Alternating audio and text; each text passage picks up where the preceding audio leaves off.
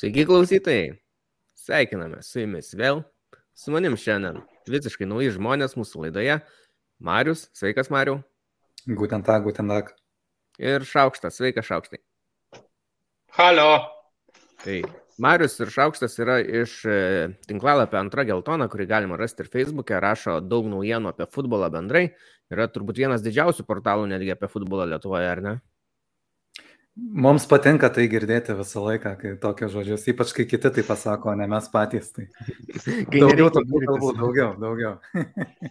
Taip, tai mes su Justu kažkada buvom pas Jūs svečiuose laidoje, irgi turi kolegos podcast apie futbolą, kalba bendrai apie visas lygas. Ir šį kartą aš nusprendžiau juos taip pat pasikviesti pas mus, nes Justas vėl negali šią savaitę dirba. Tai manau gausis visai įdomi laida, nes trysę netaip dažnai ir būnam. Tai pakalbėsim šiandien apie atleistus trenerius, nes Bundeslygoje dar vienas atleidimas įvyko visai neblogo trenerio. E, pakalbėsim tuo pačiu tą temą, kad kodėl įvyksta tie atleidimai, kiek klubas, kiek vadovybė turi ir gali turėti kantrybės, o galbūt iš tikrųjų reikia atleisti ir kad pasigerintų tie rezultatai nuo ko tas sprendimas priklauso, pakalbėsim apie atvejus netgi ir kitose lygose. Pavyzdžiui, Italijoje dabar Juventusas turi tokią situaciją, kur atrodo tikrai reikėtų atleisti trenerių, bet na, vadovybė labai jį palaiko, rezultatai labai blogi kuom tai skiriasi, vat, kad net leidžia kartais, o kartais atleidžia. Apie Anglijos variantus galbūt netgi pakalbėsim, nes yra ir Fergusonas labai ilgai buvęs ir būtent tas pasiteisino, atvedė klubą į sėkmingiausią jo istorijoje etapą, apie galbūt Vengerą, netgi Arsenalę irgi koks buvo sėkmingas etapas ir po to truputį suprastėjo tik.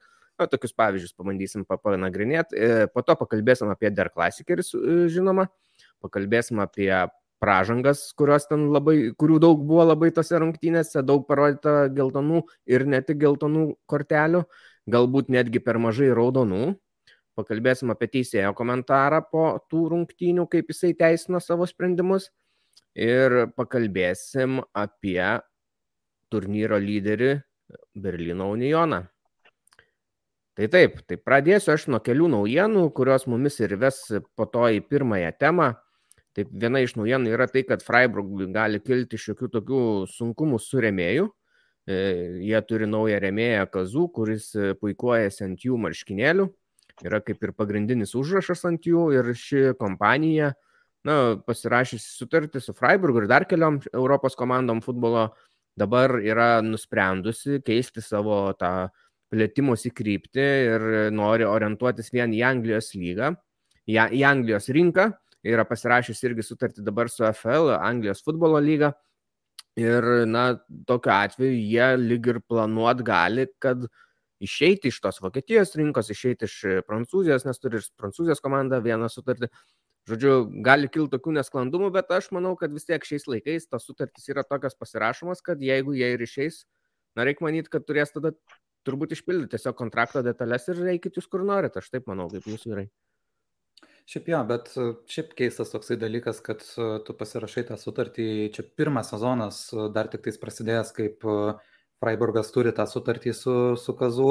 Aišku, Kazu ten ne tik tai su jais turi Europoje sutartį, yra ten ir Bolonijos klubas, San Sebastiano, Marcelis, krepšinėje Berlyno Alba irgi turi, va, iš vokiečių mhm. irgi sutartį su tais pačiais Kazu, bet jie taip įkala tokį ragą, klubams, sako, kad, nu, Hebra, mes nebenorime būti Europoje, koncentruosimės į Britų salyną. Nu, tai, na, okei, okay, ten jie turi ten daug tų sutarčių, bet, bet teko irgi skaityti, buvo ten kažkokio, tai neprisimenu kokio, bet advokato irgi išvalga, kas tokiu atveju turėtų būti. Nu, tai kiekviename kontrakte visą laiką būna ir force majorai, jeigu ten, tarkim, nutraukti sutartį, bet yra tam tikrai įsipareigojimai, kurie, jeigu tu juos vienašališkai nutraukė, tu juos turi įvykdyti vis tiek ten ar tam vienam sezonui, ar ten kiek yra pasirašytas tas kontraktas, tai turbūt, kad Freiburgas neturėtų pražūti dėl to, bet, nu, šiaip tokia keista labai situacija atrodo.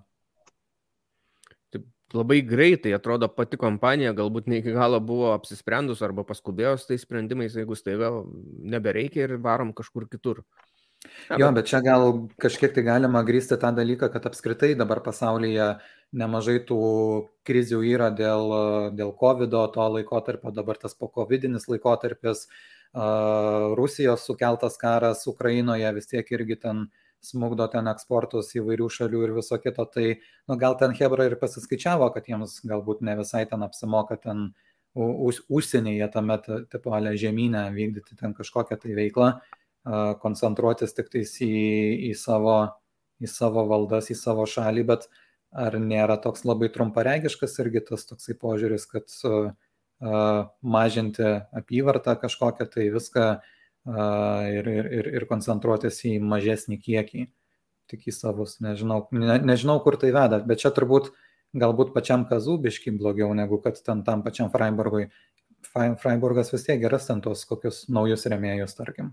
Greičiausiai. Gal, gal grįžta tada prie savo buvusių ilgamečių. O ką jie turėjo prieš tai?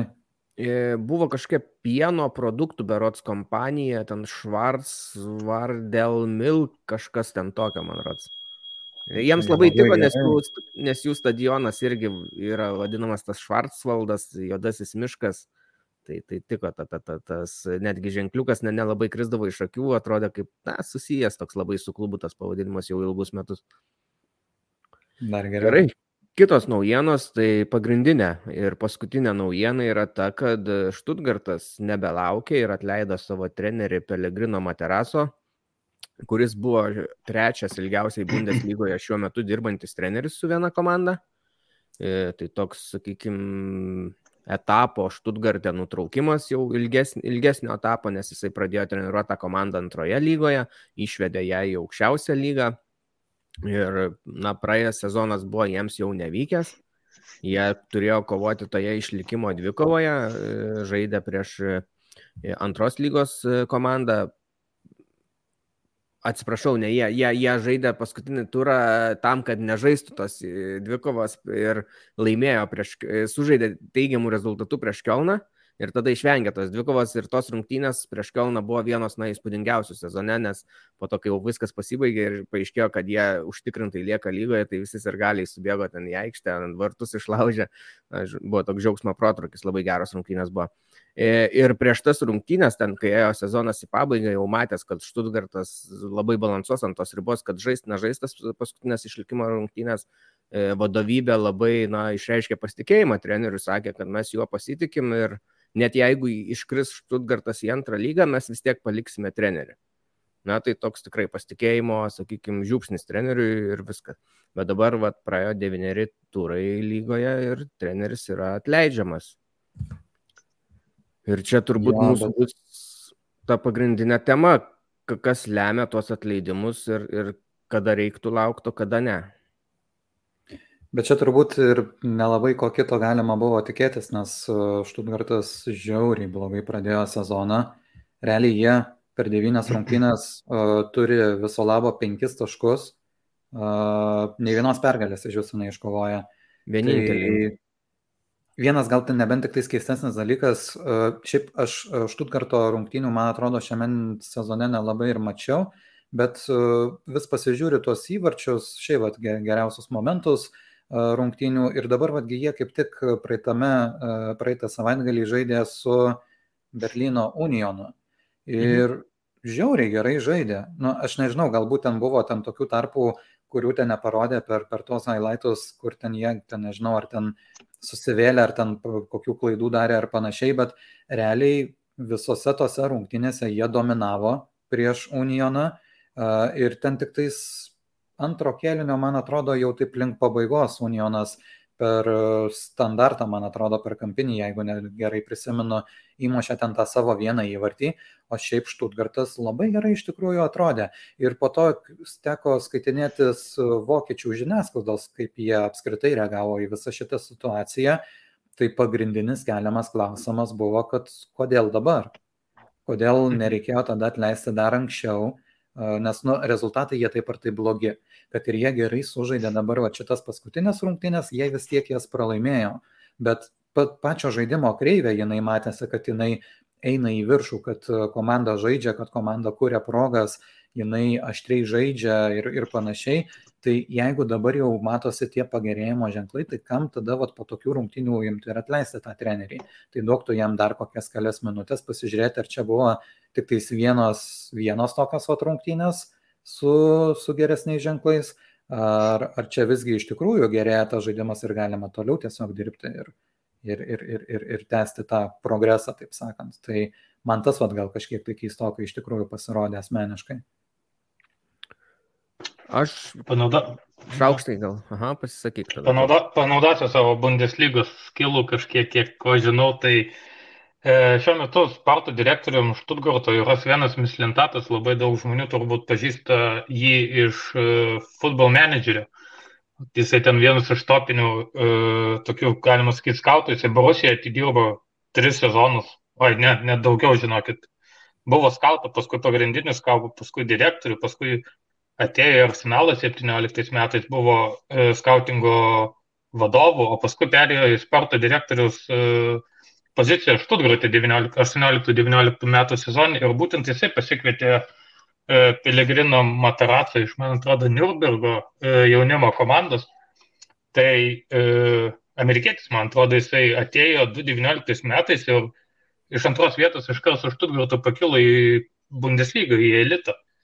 Tai realiai Štutgartas jau nėra tas klubas, kurį mes puikiai atsimenam iš tokių, kaip ten žaidė, kai Sami Hidyra žaidė, Mario Gomezas tikrai nukrito jau e, klubo lygis, galima sakyti, tai 20-21 metų sezonis tai žiauriai gerą rezultatą parodė e, su ką tik pakilusi iš antros Bundeslygos e, komanda, tai užėmė 9 vietą. Tikrai, nu, nėra prastas rezultatas, bet, bet va, sekantis sezonas buvo ta 15 vieta, kur kovoja jau dėl iškritimo ir per Fuksavos neiškrito į antrą Bundeslygą. Na ir pasitikėjo vadovybė matyti juo, nes realiai, kai Svenas Mislintatas mato kažką trenerį, tai nu, tikrai duoda daugiau laiko jam pasireikšti. Ir nu, matom, kad 9 ir 15 vieta biškai skirtumas yra.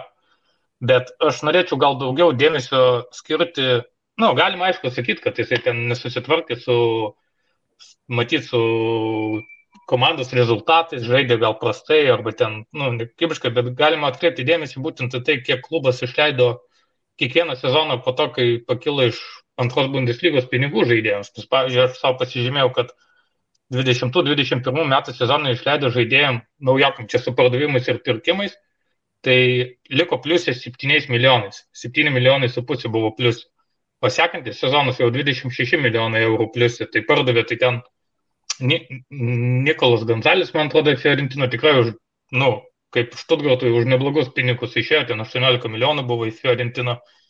Ir paskui žiūrė 22 metų, 23, tai čia šią vasarą, tai uh, komandai pliusai liko 38 milijonus eurų. O brangiausiu pirkiniu liko Džošo Vagnamanas iš Hamburgo už 3,5 milijonų. Nu, tai čia centai, sudėtis tikrai nesustiprinta yra. Ir, ir šiuolaikiniam futbole, jeigu tu nori konkuruoti, tai tau reikia tiesiog dėti pinigus į sudėtį ir nėra skirtumo. Bet tu žaidži. Vokiečius biškiuką kitaipgi, metai iš metų visą laiką tai būna, kad Vokietijos lygoje tu praktiškai nepamatysi kažkokių tai labai skambių transferų.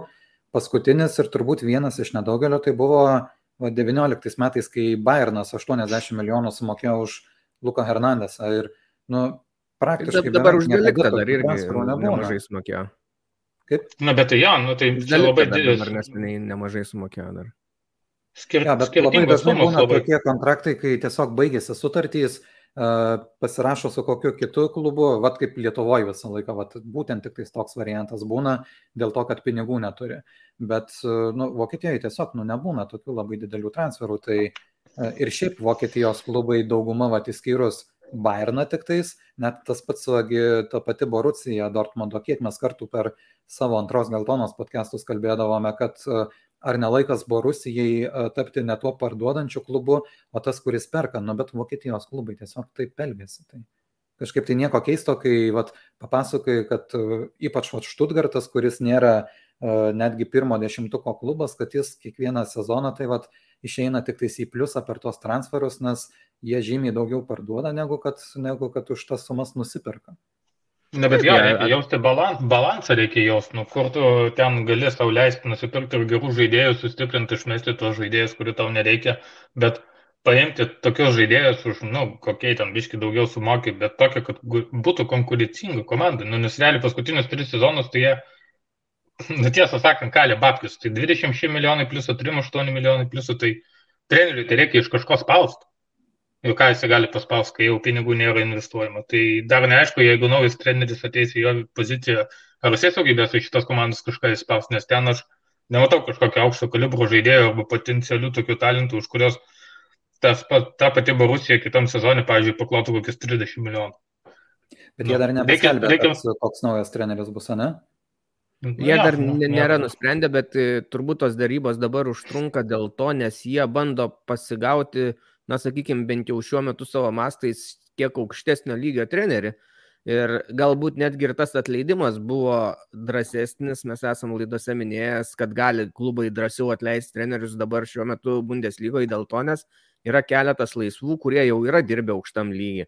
Tai pavyzdžiui, Adi Hateris, kuris treniravo Gladbacho Borusiją, praeitam sezone dar anksčiau treniravo Frankfurto Eintrachtą, na tai geras treneris.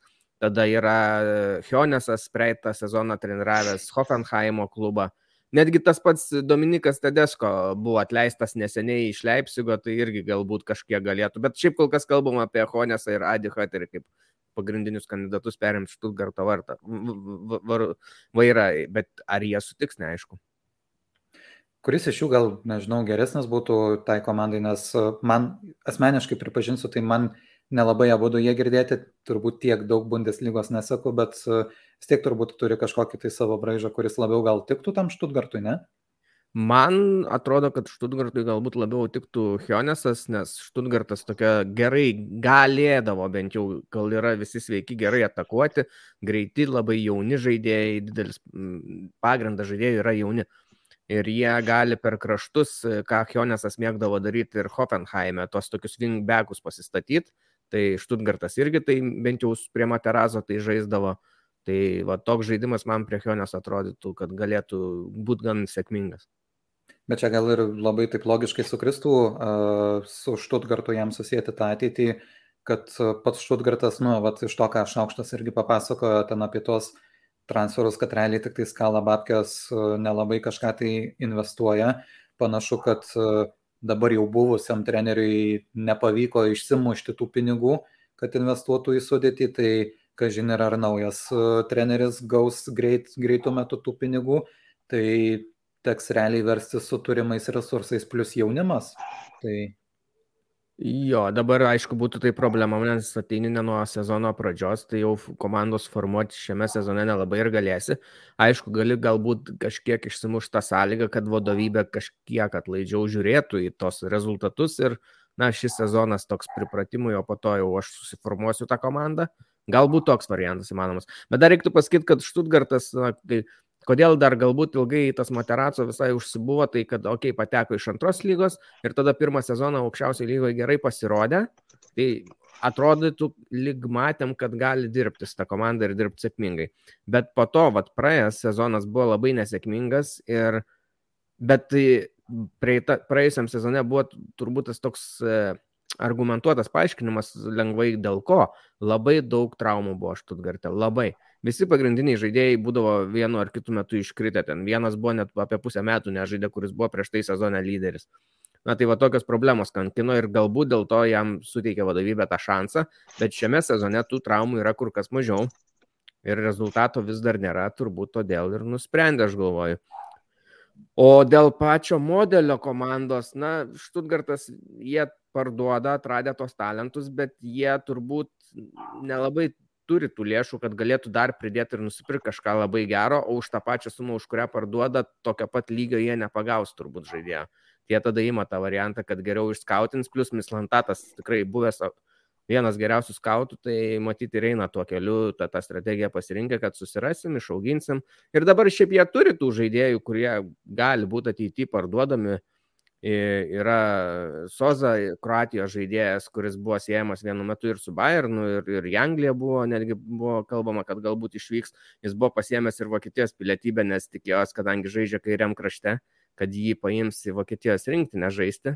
Bet dėja jisai buvo jau sužaidęs, pasirodo, tam tikram ligmenį už Kroatijos rinktinę ir ta svajonė žlugo, liko Kroatijai. E, po to Saša Kaladžičių jie pardavė šiemet, tai buvo labai geras žaidėjas praėjusiam sezone. Dabar neseniai įsigijo prancūzą Gurasi, kuris irgi gali visai iššauti, užaukti, sakykime. Jeigu neturės vėl traumų, nes praeitą sezoną, pusę sezono praktiškai praleido, tai yra toks e, Silas Mvumpa, labai irgi neblogai atrodantis žaidėjas jaunas. Tai to talento yra, man rodos, jie dar galės uždirbti, tik tai kiek, kiek ilgai galės tas vietas vėl užpildyti jaunai žaidėjais, neaišku. Aš apie noriu apie, e, apie Henisą pašnekėti. Henisas e, nuo 20 metų iki 22 buvo Hoffenheimo treneriu ir užėmė 11 ir 9 vietą. Žinot, kiek jisai per du langus išleido naujiems žaidėjams pinigų? Na. 4 milijonus eurų. Ta prasme, šią vasarą, šią, oi, už, už praeitą vasarą, jo, praeitą vasarą viskas yra keturi free transferiai ir nuomos, viskas. Tai ir sugebėjo tų pačių sąlygų, kurias gautų. ir, ir sugebėjo devintą vietą užimti Hoffenheim ir tikrai daug gavo jisai, kaip sakant, aplodismentų už tai, kad jisai ką jisai su komanda padarė. Nu, tu pasai žaidė tikrai atakuojantį futbolą, nebijojo žaisti.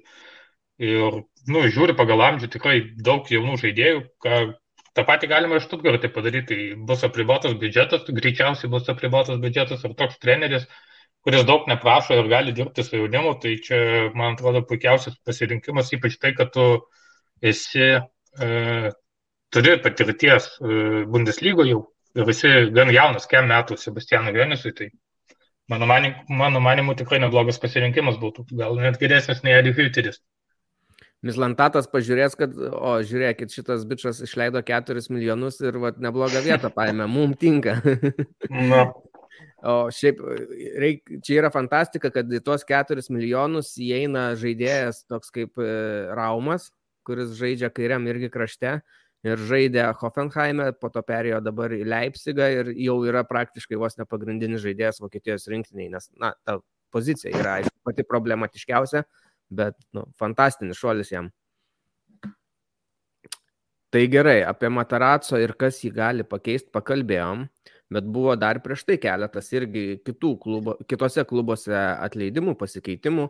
Tai nežinau, turbūt vienas įdomiausių tai yra Čiabi Alonso atvyko į Bundeslygą. Tai toks, sakykime, tokia personalija, asmenybė, tokio lygio žaidėjas, kuris, na, pritraukia jau ir ne, ne, vien, ne vien tik tai Bundeslygos mėgėjų akis, bet ir visų, kurie e, domisi šiaip futbolu.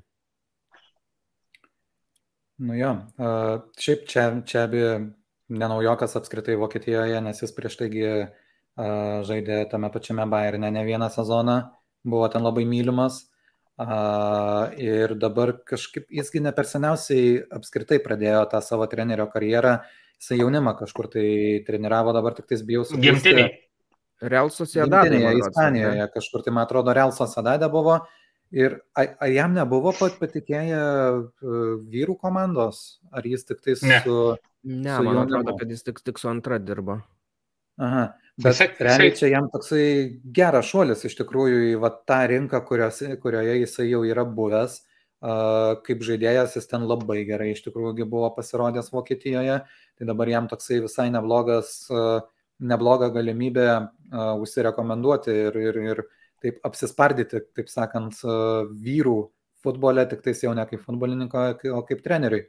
Ir ten aš kažkur tai mačiaugi, kad jis, man atrodo, ir pergalingai ir startavo su, su Leverkusenu Vokietijoje. Tik tais, galėjo. Jo, tik tais Europoje jam ten nepasisekė pralaimėjimo, startavo čempionų lygoje. Tai, va, taip, tai taip įdomu bus stebėti iš tikrųjų jį ten. E, nugalėjo Šalkė, jie 4-0, tai atrodė toks visai užtikrintas startas, bet tik tiek, kad Šalkė na, yra ne ta, kuri buvo prieš kokį 10 metų, jie dabar tikrai silpni, bet man patiko stebėti e, čia be Alonso prie tos linijos e, aikštės pagrindinės, kad Jisai yra, buvo tokia trumpa, atrodo, pertraukėlė, kur e, aiškinos kažką teisėjas, tai jisai susikvietė vos ne visus žaidėjus, tai aš skaičiavau, tai jisai su septyniais žaidėjais spėjo pakalbėti ir kiekvienam asmeniškai paaiškinti, apsikabinęs jaus ir panašiai, ką jie turi daryti. Aš žiūriu, treneris labai įsitraukęs ir žaidėjai noriai atėję, atėję klauso ir nori gauti tų patarimų, nes, na, tai vis tiek žaidėjas yra su didžiuliu autoritetu, su didžiulė patirtimi ir e, žaidęs su tokiais na, legendiniais treneriais, galim sakyti, ar ne Benitezu, Pepu Guardiola, e, Maurinio, Ančeločių, nežinau, dar gal kažką praleidau, bet na, nerealūs treneriai, aukščiausio lygio. Ir jisai, na, tikrai turi, turėjo galimybę pasimokyti ir iš jų sužinoti kažką ir dabar, vat, perdoda tiems kitiems žaidėjams. Tai e, manau, kad Bayerio žaidėjai tikrai turės ką pasisemti šiek tiek buvo sukilęs hypas po tų rungtynių, kad o čia va dabar čia be Alonso atgaivino, bet man šį patį žaidimą stebint, tai pirmas kelnys tai toks silpnokas atrodė, labai nera, nerado to, neranda dar atrodo to savo žaidimo, tai nežinau, ar, ar pavyks greitai jiems atrasti tą žaidimą tokį, kokį nori treneris naujasis e, demonstruoti su jais. Nes vat, po to, kaip minėjai, čempionų lygoje 0-3 pralašė Porto ekipai ir susikomplikavo savo šansus patekti toliau bus labai jau sunku iš, iš grupės išeiti, reikės visus nugalėti turbūt likusius e, varžovus. Ir e, dabar bus e, kitas turas Bundeslygoje, tai aš manau, vat, prieš Eintrachtą mes pamatysim, ar, ar, ar ten prieš Šalkę nebuvo toks atsitiktinumas prieš silpnesnę komandą, ar, ar, ar dar reikės mums laukti šiaip tų rezultatų Bayerio, kuris labai netikėtai šiemet stringa. Jo, šiaip kažkaip mes pas save bendram čia antros geltonos prieš sezoną taip rinkomės komandas, kad ne tik tais, kad žiūrėtume tas komandas, kurias ir šiaip palaikome, bet tas papildomas komandas, kurias šiaip smagu būtų žiūrėti. Ir aš kažkaip tai prisiminiau praėjusį sezoną, praėjusiam sezonė šiaip Leverkusenas taip visai smagiai atrodydavo. Tam tikrose rungtynėse Virsas man labai patiko, iš tikrųjų toksai žiauriai fainas žaidėjas, bet uh, jis, man atrodo, dar taip ir nepradėjo dar žaisti, dar, dar gydosi traumą, treniruotės, man atrodo, jau tik tais pradeda po truputėlį. Tai taip, aš kažkaip labai tikėjausi, kad ir šiame sezone Bayeris bus na, nebus tuo Bayeriu kaip vos ne pajokos objektų su, su savo tuo žaidimu, bet, bet kad iš tikrųjų bus tokia simpatiška, faina komanda, bet kažkaip tai labai nuvilintis tas startas ir, ir kadangi nelabai teko jų stebėti dabar va šiame sezone, tai net keista tai va tiesiog pasižiūrėjus, kad praeitas sezonas toksai iš tikrųjų tikrai neblogas buvo, šiame sezone taip iš karto taip straglina nuo pat jo pradžios. Tai su Čiabi Alonso aš galvoju, kad jiems vis tiek turėtų būti visai neblogai Čiabi, nors ir jaunas treneris dabar jam toksai kaip pereinamasis laikotarpis, bet ispanai iš tikrųjų turi tokį, tokią gerą tendenciją, kaip vokiečiai anksčiau turėjo su tais vat, jaunais kylančiais treneriais, kai Klopas kilo, kai Tuhelis kilo, kiti vat irgi treneriai, tai dabar pas Ispanus atrodo po truputėlį pareina irgi ta karta, kai ta legendinė karta jau, jau buvusių futbolininkų baigia karjeras, eina į trenerių pozicijas, vat, tas pats su, su, su Čiaviu Barcelonoje gavo gerą postą, Katarė pasisėmęs patirties, aš nebejoju, kad Iniesta irgi kai pagaliau baigs Japonijoje, dabar man atrodo jam jau lyg ir paskutinis sezonas turėtų būti, nu, tikrai atrodo, kad daug šansų turėtų būti, kad irgi ners į, į tą treniravimą. Čia be Alonso irgi dabar vat, greitai pasigūglinau, kol Titas kalbėjo, tai jisai šiaip vat, visai neblogai pradėjo, jisai pradėjo savo trenerio karjerą su Madrido Realo jaunimu ir po to taip gan greitai, po metų, man atrodo, ne, ne po metų, jo, po metų, nes metus išbuvo Realo jaunimo komandoje, tai jisai greitai perėjo į Real Sociedadą, B komandą pasijėmė, tai čia praktiškai antra Sociedado komanda, tai taip tas laipsniškas toksai kilimas jam gaunas ir dabar vat, tuos tris metus pabuvęs Real Sociedade įmasi Leverkuseną gelbėti, tai aš galvoju, kad įsivažiavus jam visai neblogai turėtų būti. Mhm. Kaip tu tai, šaukštai? Aš šiaip irgi pasižiūrėjau apie Kabį Alonso, tikrai šiaip džiugu matyti jį prie ter, terzonoje, prie trenerių jau žmogus e, visą laiką tai buvo toks iš protingų saugų, tikrai daug kas vertina jį už tai, jisai, kaip jisai supranta futbolą, kaip jisai moka kamalį palaikyti. Nu, e, tai jisai žaidė tokia pozicija, kur reikalaudavo daug tokio intelekto aikštį, kad, nu, jisai protingas, jisai pas visus trenerius žaidė vis tam visą laiką startę labai tokiose svarbiose pozicijose kaip centro saugas, atraminis saugas, kur turėjo ir e, mokėti poziciją užimti ir taip toliau. Tai kaip Marius kalbėjo apie Madrido realas, buvo iš pradžių žmogus ten pasisėmė, vis tiek patirties su jaunimu padirbas, pačiupinėjo, kaip sakant, tą trenerio bloknotą, o ne kamolį. O paskui buvo... Mes jau esame matę tą pavyzdį, suprašau, kad įsiterpiu, bet kai iš e, Madrido Realo jaunimo komandos perina į vyriausiojo trenerio postą ir žiauriai gerai pasiseka, tai Zidanas, trys čempionų lygos, uh, trys Na, tai čempionų čia... lygos titulai. Tai... Na, aišku, skiriasi. Bet... Bet, bet galima ieškoti tų tendencijų. Išskirtinis atvejis, aišku. Ir jisai tris sezonus buvo Real Sociedadė, nu, pasiekimai tikrai nėra prasti, penkta vieta pirmam sezonui ir pergalė čempionatį jaunimo jau antram sezonui. Tai uh, Alonso turi patirties, nu, daug lygos, ir jisai ir Anglijoje žaidės, ir Ispanijoje žaidės, ir Vokietijoje žaidės, moka kalbą. Uh, dvi kalbas tikrai moka, jisai trečią nebijoja, kad anglų kalbą tikrai irgi moka, tai labai daug internacionalų yra bairį ir jisai anksčiau bent jau tikrai atsimenu, kai buvo laikai, kai ten ir Vidalis žaidė, labai daug e, ispaniškai kalbančių žaidėjų iš Pietų Amerikos tikrai atvykdavo ten ir ten, nu, nebijo tikrai e, kviesti žaidėjų iš Pietų Amerikos, ne tik vokiečiais pasitikėti, e, renkat dažnai talentingą jaunimą, kuri gali pakelti lygį ir parduoti už tikrai geresnius pinigus. Tai Habiva pasižymėjo to, kad jis su jaunimu padirbo ir jam labai pasisekė su juo ir Bairis nusprendė, kad nu, jis yra tinkamas kandidatas vien dėl to, dėl savo patirties Vokietijai, dėl kalbų mokėjimo, jaunas treneris, manau, tikrai turi progresyvių minčių visokių ir moka dirbti su jaunimu. Bairis, nu, tiesą sakant, po to, kai jie tapo Bayer Neverkusen, tai klubas niekada nebuvo grandų jau po to ir nepretenduoja į tai ateitynu, nes matom, kaip buvo parduotas Kajas Havertzas už labai milžiniškus pinigus ir iš Bairio tikrai daug žaidėjų eidavo už tikrai didelius pinigus, nebandė juos išsaugoti e, ir statytis kaip, na, nu, kažkaip kažkokią konkurenciją sudaryti Bundeslygoje, tai labai nuskilo, kad paėmė tokį trenerių, kuris, pavyzdžiui, kaip čia pasakius, kad, na, nu, e, šitoje situacijoje tarp šitų dviejų nerizikuoja vienas, viena pusė, tai čia bus Habė Lonza, nes jisai atvyks į klubą, gaus vyriausiojo trenerio pareigas, nieko tokio, kad jisai ten nesusitvarkys, jisai bus atleistas, jisai tikrai bandys į kitą klubą eiti ir aš manau, kad jam tikrai tai duos, nes jau turės patirties, o Bairis gali apsidenginti, nes patirties neturintis treneris ateina, kai klubas yra, e, nu, Bundeslygos dugne, kilintėje ten yra, labai žemai jau yra. Ir pirmi, galbūt brūkšnio. Jo, tai e, gal tokiu, tokiu metu reikia imti krizinį trenerį, kuris tokį kaip Tidesko, kuris sugeba iš nu, tikrai ten apačioje dugne besivaliojančių klubų įspausti ir pakelti į top 10, kad bent jau neiškristų. Ir daug nereikalaus tada jisai ir žaidėjų pirkti, bet tai imamas dabar Habė Alonso, kuris patirties dar neturi, gaus labai didelį spaudimą ir, na nežinau, kaip susitvarkys. Jeigu susitvarkys, tai aišku, jo, valio bus, bet tai nežinau, kokia tikimybė yra, man, mano manimu yra maža, tai Habė nieko nerizikuoja, bet Baidis rizikuoja, mano manimu, tai Nežinau. Čia gal kažkiek tai tas bandymas iš Bairio pusės e, žiūrėti šiek tiek gal dar ir į tą ateitį, nes Habė, e, vat, kaip irgi sakai, kad nu, jis visiškai jaunas treneris, e, patirties dar tikrai nedaug, bet jisai kaip žaidėjas, jisai buvo labai protingas žaidėjas ir jisai matosi, kad jisai ten, kai būna kokie nors interviu ir panašiai, ten su taktikomis susiję, jisai žino, kur kas kaip yra, kas kaip turi judėti, visą kitą, jisai turi savo aiškias mintis.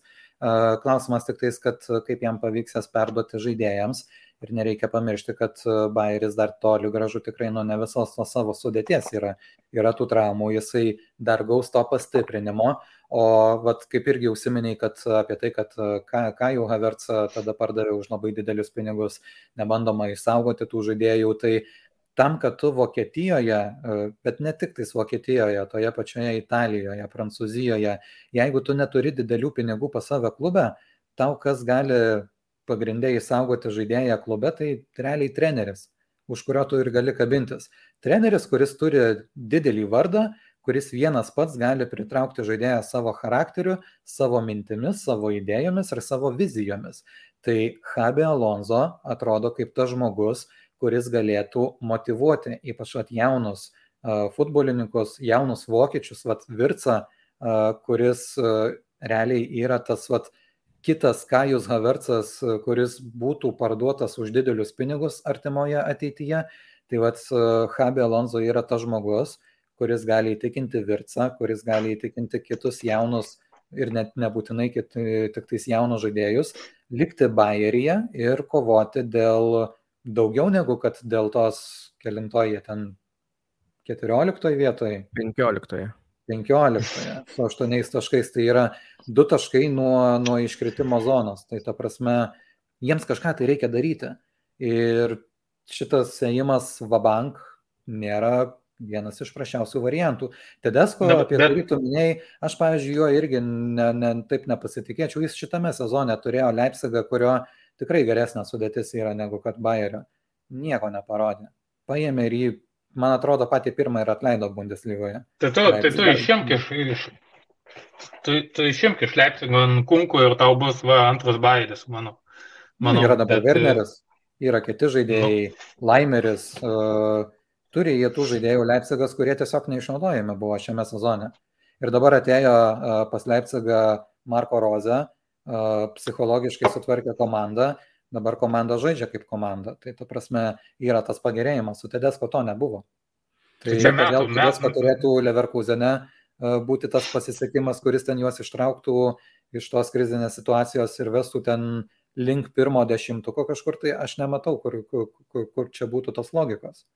Bet gal čia iš tikrųjų trūksta kantrybės, nes galbūt yra natūralu, kad tie klubai ne Bairnas, e, kad lygoje kaip per kalnelius, kartais žemiau, kartais aukščiau, nes Tadesko praėjusiam sezone atėjo irgi vos ne vidury sezono, perėmė komandą, kuri buvo irgi labai nekaip e, atrodė, nekaip žaidė, turėjo mažai taškų, išžiesi maršo perėmė ir jisai tada atvedė ją į čempionų lygos spotą. Reiškia, jisai sustatė. Tas pats Marko Roze praėjusiam sezone na, savotiškai degė Dortmunde. Tai jeigu būtų išlaukę, gal būtų viskas pagerėję. Kas ten žino, dabar ar nebus taip, kad, okei, okay, Roze dabar atrodo lyg atstatė Leipzigą, tada kitos sezono pradžioj bus sunkumų ir tada irgi jį atleis. Ir taip gausis. Taip ir bus. Man, man irgi atrodo taip. Man irgi taip, taip atrodo, nes. Nu... Bet čia realiai taip, net neieškant kažkokių tai labai smulkių detalių ir panašiai, tiesiog toks futbolas dabar e, šiais laikais toksai yra. E, nes kaip podcast'o pradžioje tai, užsiminėjai apie Vengero e, pavyzdį, apie Sero Alekso Fergusoną, iš dabartinių tokių atvariantų, kai vienas treneris vieną klubą treniruoja ten 10 ir daugiau metų, tai mes realiai turime tik tais Madrido atletiko Diego Simeone ir tai jau keli sezonai žiūrės yra kalbama apie tai, kad vis galvojame, galvojama jį atleisti ir pasimti kažką tai naujo, kas turėtų naujų idėjų. Bet realiai tiesiog nėra tokių, uh, tokių vat, pavyzdžių dabartiniais atlaikais.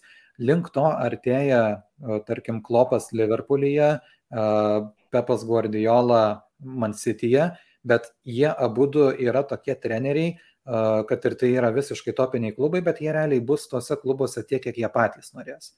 Tai yra labiau ne tai, kad klubas ieškotų, kada juos atleisti, bet kada jie tiesiog pasakys, kad viskas Hebra, kontraktas baigėsi, man reikia naujo iššūkio, eisiu ten į kokį, ten, nežinau, ten Katarą, Italiją, dar kažkur tai ir, ir, ir kažką tai naujo sieksiu.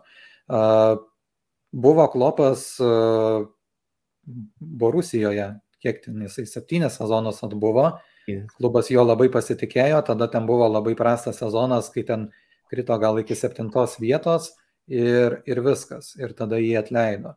Bet tai mes kalbame uh, apie tokius pavyzdžius trenerių, kai jie išbūna ilgai klubuose, kai patys klubai iš esmės yra sėkmingi, kai jie uh, nebūtinai ten, tarkim, laimi čempionatą kurį nors, bet jie visą laiką ten kokiame top trejetuke, top ketvirtuke, top penketuke ir jiems kaip ir nėra tų egzistencinių problemų, kai jau svyla subinė, kai yra ten kokia jau uh, iškritimo zoną ir reikia galvoti, ar mes bandome kažką tai daryti, nebūtinai mums pasiseks, iškrisime iš lygos, galbūt bandysime vėl į ją pakilti ir, ir, ir, ir tiesiog, ar mes imamės pokyčių, kad išsaugotume sezoną, kad liktume lygoje, kad pakovotume ten uh, dėl kokios, uh, nežinau, ten 13, 12, 10 vietos. Tai pagrindė tas dalykas dažniausiai, man atrodo, veikia dabartinėse klubuose, nes pinigai, kaip pažiūrėsi, tai yra milijoniniai biudžetai, klubo vadovybės spaudžia dėl tų maksimalių įmanomų rezultatų ir, ir tiek, ir tas ir diktuoja tas visas madas. Tai Maurinijo, man atrodo, pasita geležinė filosofija visą laiką būna vienam klube ne ilgiau trijų metų, nes tiesiog ir pats po to dažniausiai blogai jautiesi, nes rutina įsisuka ir, ir nepasiekia ten savo rezultatų ir panašiai. Ir klubas jau pradeda žvilgčioti kažkur tai kitur, kad čia gal kažkokių tai naujų idėjų ir čia žiūrėk to nepasiekiai, žiūrėk ano nepasiekiai, čia tas mums negerai, trintys tarp žaidėjų, tarp, tarp trenerių, tarp klubo vadovybės ir panašiai. Labai daug tokių dedamųjų dažniausiai būna. Mm, sutinku. Tai tokį dar fun faktą galim tada tiesiog pasakyti, kad Klopas ir Maince dirbo septynis sezonus ir tada krito baisiai. Ir kelintas sezonas dabar Liverpoolyje. Tai čia Klopas ir viso lyderis tarp tokių trenerių, kurie ilgiausiai net ne viename, o jau trijose klubuose taip realiai išbūdas. Tai fantastika. Bet tokių pavyzdžių žiauriai mažai. Va, Klopas, Guardiola, uh, Simeone, kas dar? Freiburgo Štraikas dirba irgi 10-11 metų jau dabar klube. Palauk, Konte, man atrodo, Juvėje buvo irgi ten gal kiek ten 4-5 sezonus, jeigu neklystu, ne? Ar maišau? 5, man atrodo. 5, jo, tas kaip tai tikrai nemažai tai buvo. Ir jau tas pitakas atrodo žiauriai daug, kur iš tikrųjų pasižiūrėtume, va, Fergusono, Vengero, Vengero ir taip toliau pavyzdžius, tai atrodo kaip mizeris visiškas. Tai. Aš, čia yra akivaizdu, kad dabar yra tokios tendencijos, kad klubai nelinkia laukti, bet vat, įdomu, ar tai nėra iš tikrųjų klaida, nes tą patį Fergusoną, jeigu būtų atleidę, pirmie jo sezonai buvo labai blogi, tai ir klausimas, ar būtų ar nebūtų ta United komanda tokia tapus galinga po to. Bet irgi dar vienas klausimas toksai, va iš tų, va irgi uh, hipotetinių, kad uh, o kas jeigu tuo metu, kai Fergusonas buvo ten irgi pradžioje, lygiai taip pat ir Vengeras, jis ten ne, ne iš karto, man atrodo, gerai pradėjo arsenalo žaisti, ten vienas, du sezonai ten buvo įsibėgėjimui iki to nenugalimųjų sezono. Tai jeigu tuo metu būtų ir tokie dideli biudžetai kaip dabar išpūsti, kosminiai tiesiog, kai tu už vieną žaidėją gali sumokėti šimtą milijonų ir daugiau, ir jeigu būtų buvusi lygiai tokia vat, pati spauda kaip dabar, nes spauda labai labai daug priduoda, ypač vat Anglijos, tarkim, spauda treneriams yra visiškas peilis. Lygiai tas pats, kad kaip ir Vokietijos ir Italijos, kitų šalių spaudos irgi yra tokios sunkiai atleidžiančios ir labai greitai nulinčiuojančios. Kai biudžetai yra tokie dideli, tai ta prasme, kad dabar va tų šio laikinių faktorių yra labai daug, kurių netiek daug buvo anksčiau, kai tu ten už vieną žaidėją sumoki 6 milijonus eurų ir tai yra rekordinis transferis ir, ir, ir, ir tiek, žinai. Tai mm, anksčiau tiesiog būdavo tame pačiame ir Mančesteryje, ir, ir Arsenale.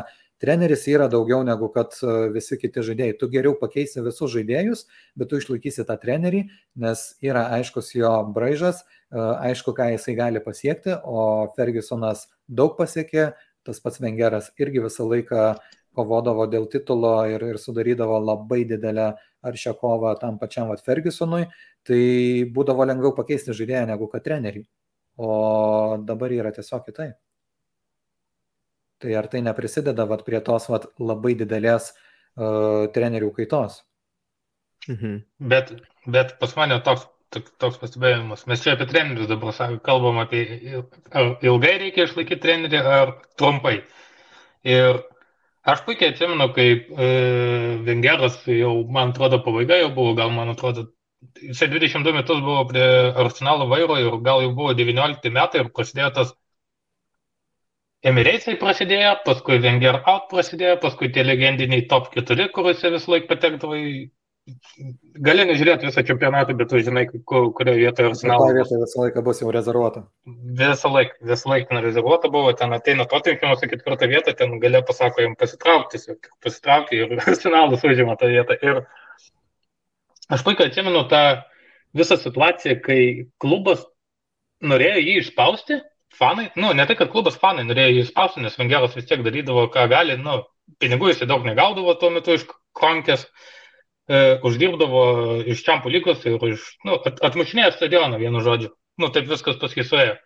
Ir po to, kai jisai išėjo, jūs pažiūrėkit, su kokiam problemom susidūrė arsenalas po tokio ilgo laikotarpio, kai vienas žmogus turėjo visą valdžią savo rankose. Tai mes nekalbam apie tai, kad jisai turėjo įtaką transferėse ir e, treniravime žaidėjų, bet jisai turėjo įtaką net tokio, tokiose pozicijose kaip jaunimo futbolas. Ten viskas surišta buvo, skautai ant jo visi buvo surišti. Uh, Visas tas prasme, kabinetas. Tai būdavo ne treneris, bet menedžeris. Jis menedžeris buvo. Ir, nu, menedžeris ne tas, kuris tiesiog e, galėdavo irgi prašyti žaidėjų, kurie, kurias jie nupirktų ir treniruoti komandą, nu, nes patys tokie giluminiai, giluminės tokios funkcijos, kaip pavyzdžiui, skautingas, e, reportai, visokie video peržiūros ir taip toliau, ant vieno žmogaus pečių buvo.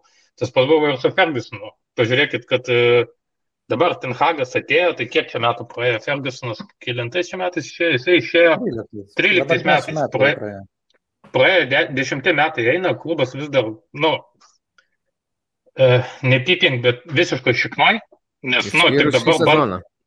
Nu, tai dar Bet nežinau, kuo baigsis šitas sezonas. Mūsų podcast'e mane skaudina tokiam kalbom, dabar ateiname į kitą podcast'ą ir jis tą patį tęsia.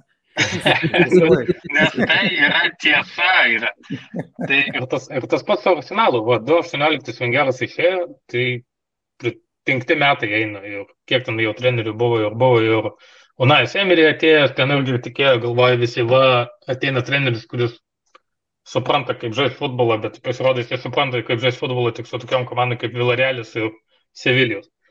Tai matot, ta, ta, per daug valdžios pas vieną žmogų ir labai ilgas laikotarpis turi jau savo minusų. Ir gali būti, kaip ateina žmogus va, iš uh, Kanteros Madrido ir laimi tas tris čempų lygos iš eilės. Tu negali žinoti, tu negali nuspėti, ar šitas žmogus yra tas, kuris 20 metų dirbs ir bus legenda, kaip Manchesterį ir Arsenalė, ar tai bus treneris, kuris ateina, paima titulus visus, sako, aš, man neįdomu toliau treniruoti, aš lauksiu rinktinės. Nu, nes aš perėjau futbolą. Gerai, žiūrėk, galim pakalbėti ir apie tavo artimesnį tada atvejį, jei neklystu, palaikai Juventus komandą. Tai net nebejoju, kad šiuo metu norėtum be bejonės atleisti trenerių. Norėt ir galėti yra du skirtingi dalykai. šiuo, šiuo metu Juve tiesiog yra papuolusi į tokią situaciją, kad nu, nelabai, geri, nu, nelabai geri reikalai su pinigais yra kažkaip ir keistas sprendimas. Anėlio yra pasirašyti sutartį su treneriu labai ilgam, ket, keturiem metam ir su labai dideliu kontraktu, nes tikrai įsimušė Alegris e, riebų kontraktą po to, kai jau buvo kalbos atsiradusios, kad e, ir Madrido realas jo domisi ir jis ten vos ne. dabar gauna? Ko, kiek skaičius pasirašė? Jisai gauna labai daug, palauk, man reikia gal net pasižiūrėti. Alegris salary, ne? Bet turbūt bus kokie 7-8 milijonai, turbūt, ne? Ar dar daugiau? Mm, daugiau. Alegris salary. Ja, bet čia milžiniški pinigai bus kol, kol šaštas. Nu, rašo, ieško, rašo, tai... rašo 7 milijonai, bet aš nežinau, kiek čia tiesos, aišku. Mhm. Paskui rašo 9 milijonai. Fabricija Romanova sako 9 milijonai, 4 metų sutartis. Tai ką tu gali padaryti? Nu, realiai treneris tikrai užsirekomendavo Italijai puikiai. Nu, ir su Milanu spėjo padirbėti, kol, kol prie jų vis neprisijungė. Tai jisai kaip menedžeris laimėjo seriją A, 1, 2, 3, 4, penki kartai, dvi čempų lygos, e, keturias taurės, dvi super taurės, na ir taip toliau, ten visi skirtingi tie serija E, coach of the year ir taip toliau, bet e, Italija yra tokia konservatyvi gal e, futbolo šalis, kur tikrai tiki ir tom legendomis, senatoriai ten yra tokie kaip buvo anksčiau kaip e, Francesco Totis, Danielė Derosi ir taip toliau. Nu, tiki to, to palikimo trenerių ir tikrai tikėjosi Anielis, kad uh, Allegris bus tas treneris, kuris sugebės surinkti sekančią dinastiją, nes ta dinastija, kurią Antonijo Kontis surinko, jinai tikrai puikiai veikia ir buvo laimėti devyni titulai čempionų iš eilės. E, Italijai keturi su Konte, penki su Allegri ir realiai baigėsi, va, išėjo, e, dar neišėjo, aišku, paskutinis žmogus iš tos sudėties, tai Leonardo Bonucci. Ir kaip ir bordas labai stipriai palaiko Allegri, nes jie žino, kad jie, nu, ir už dalies feilino duodami labai ilgą kontraktą ir daug pinigų. Ir iš kitos pusės jie negali atleisti dėl to, kad jie neturi tiesiog tų pinigų ir bando rinkti komandą pagal trenerį. Ir kaip sakė, ten yra daug, aišku, visokių insidų, sako, kad iki pasaulio čempionato jie lauks ir tipo, mes žaidėjas, kurie nesutinka su tuo, su, su Allegriu ir trukdo jam daryti savo darbą. Ir, ir nu, tu turi tiesiog laukti, kom tai viskas baigtis. Nes, nu, dabar žiemos e, lango metu atleidinėti treneriai ir rimti bet ką, nu, mes nežinom net kas gali ateiti. Tuhelis greičiausiai neįs į tokią komandą, nes jam jisai yra sisteminis treneris, kuriam reikia labai daug pinigų išleisti žaidėjams naujiems Zidanas irgi neįs, tai tų pasirinkimų nėra.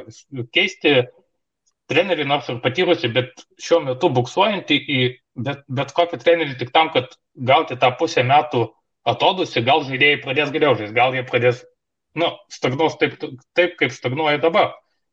Tai čia, kaip sakant, pagalis turi du galus. Aš nežinau šiaip realiai. Su Allegri labai situacija tokia painiai. Vat, panaši situacija gali būti ir su Dievu Simeonė. Nes dabar pas jį e, sėdi, pavyzdžiui, tas pats Žavo Felišas, kurį jisai norėjo, kad jam nupirktų 120 milijonų nupirktas, jisai sėdi ant suolo. Žaidžia Grismanas, kurį ką tik nupirko už 20 milijonų. Tai rezultatų irgi stebuklingų nerodo. Bet stebuklingų rezultatų irgi nerodo, nes va pralaimėjimas Briugiai 2-0, paskui su Briugiai ir man atrodo, jam grėsia irgi iškritimas į Europos lygą, kur susitiks ir su Barsu, susitiks ir su Ajaxu, ten visa gera hebra susirinka, tikrai nebloga. Tai Gerai, žiūrėk, tada aš dar kitaip tada paklausiu. E, jeigu nebūtų finansinių įsipareigojimų didelių, sakykime, treneriui, kad ten reikėtų išmokėti visą daug milijonų ir panašiai, tiesiog laisva galimybė nusitraukti kontraktas jo, ar tu būtum už ar ne, kad atleistų Allegri tada iš Juventuso? Šiuo metu aš palaikyčiau Allegri, kad jisai padirbtų iki vasaros, nes jau iš Čempų lygos kaip ir aišku, kad iškritimas yra. E, Europos lygos yra šansas, aišku, galima ją laimėti ir tada patekti į Čempų lygą ir nereikėtų ten stengtis dėl tos ketvirtos vietos. O kas belieka, dabar Italija belieka, tai ir viskas. O Italija ten, man atrodo, aštuntoje vietoje, bet ir Interis irgi netoli, tai ten irgi neprognozuojama gali. Buvo jau taip, kad prieš, man atrodo, prieš Sarį, prieš prieš Sarį metus buvo taip, kad jisai iki žiemos ėjo dešimtoje vietoje, paskui buvo su Turino rungtynės ir paskui buvo gal penkiolikos rungtynių e, serija nepralaimėtų iš eilės. Tai tada jie sugebėjo iššokti į trečią vietą ar tai antrą.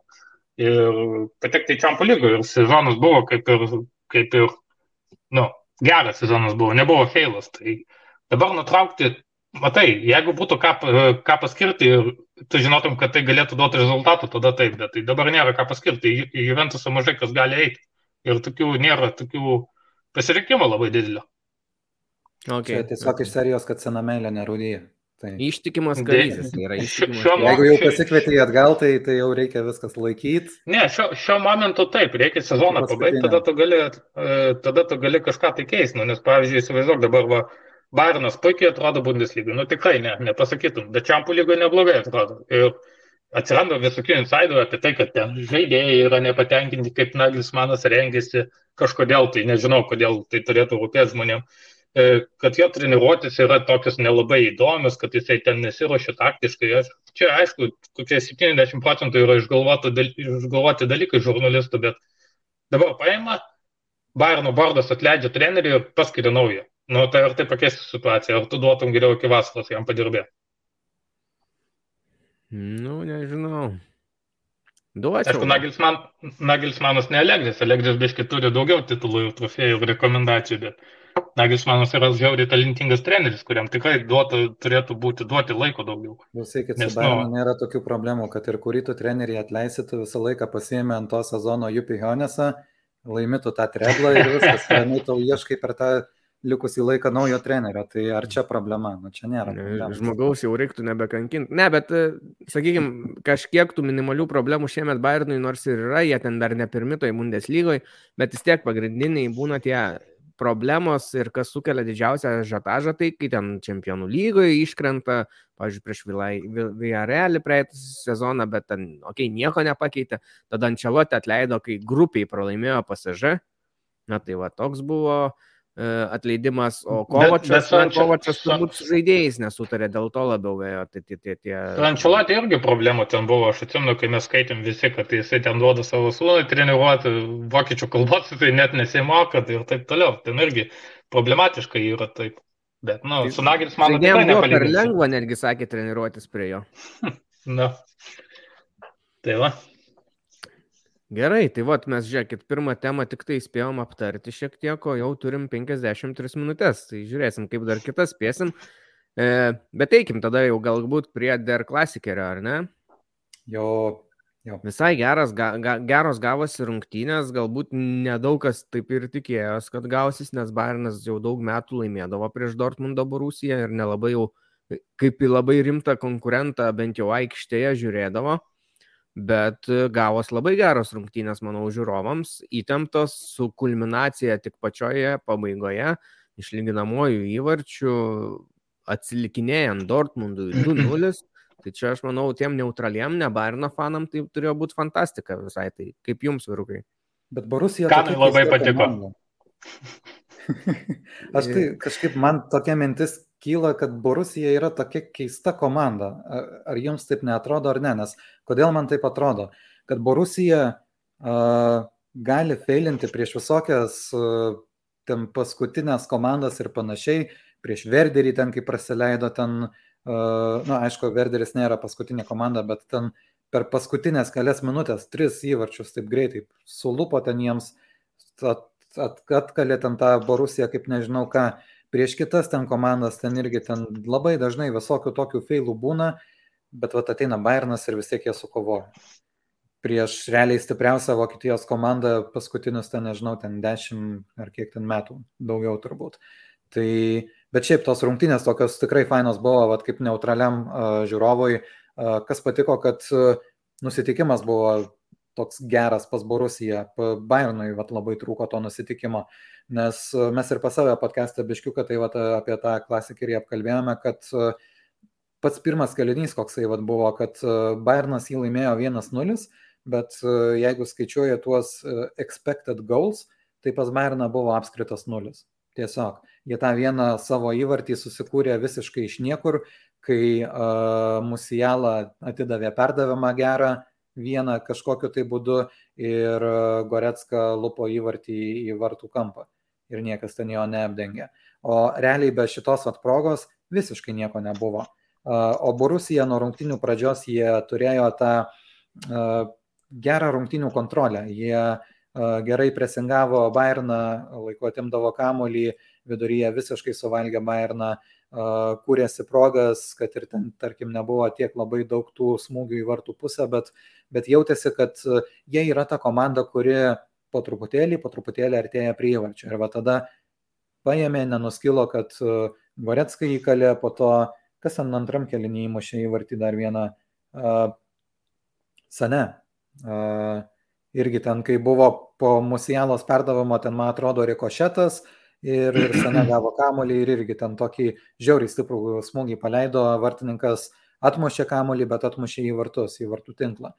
Tai tokios realiai kaip nesėkmės buvo šitai, šitai Borusijai, nes Borusija tikrai žaidė žymiai geriau.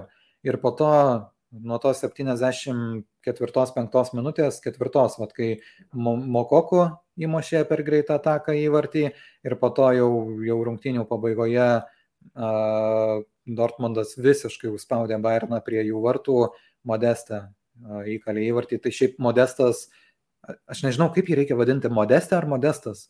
Modestas Mes kažkaip Modestą vadinam. Modestą.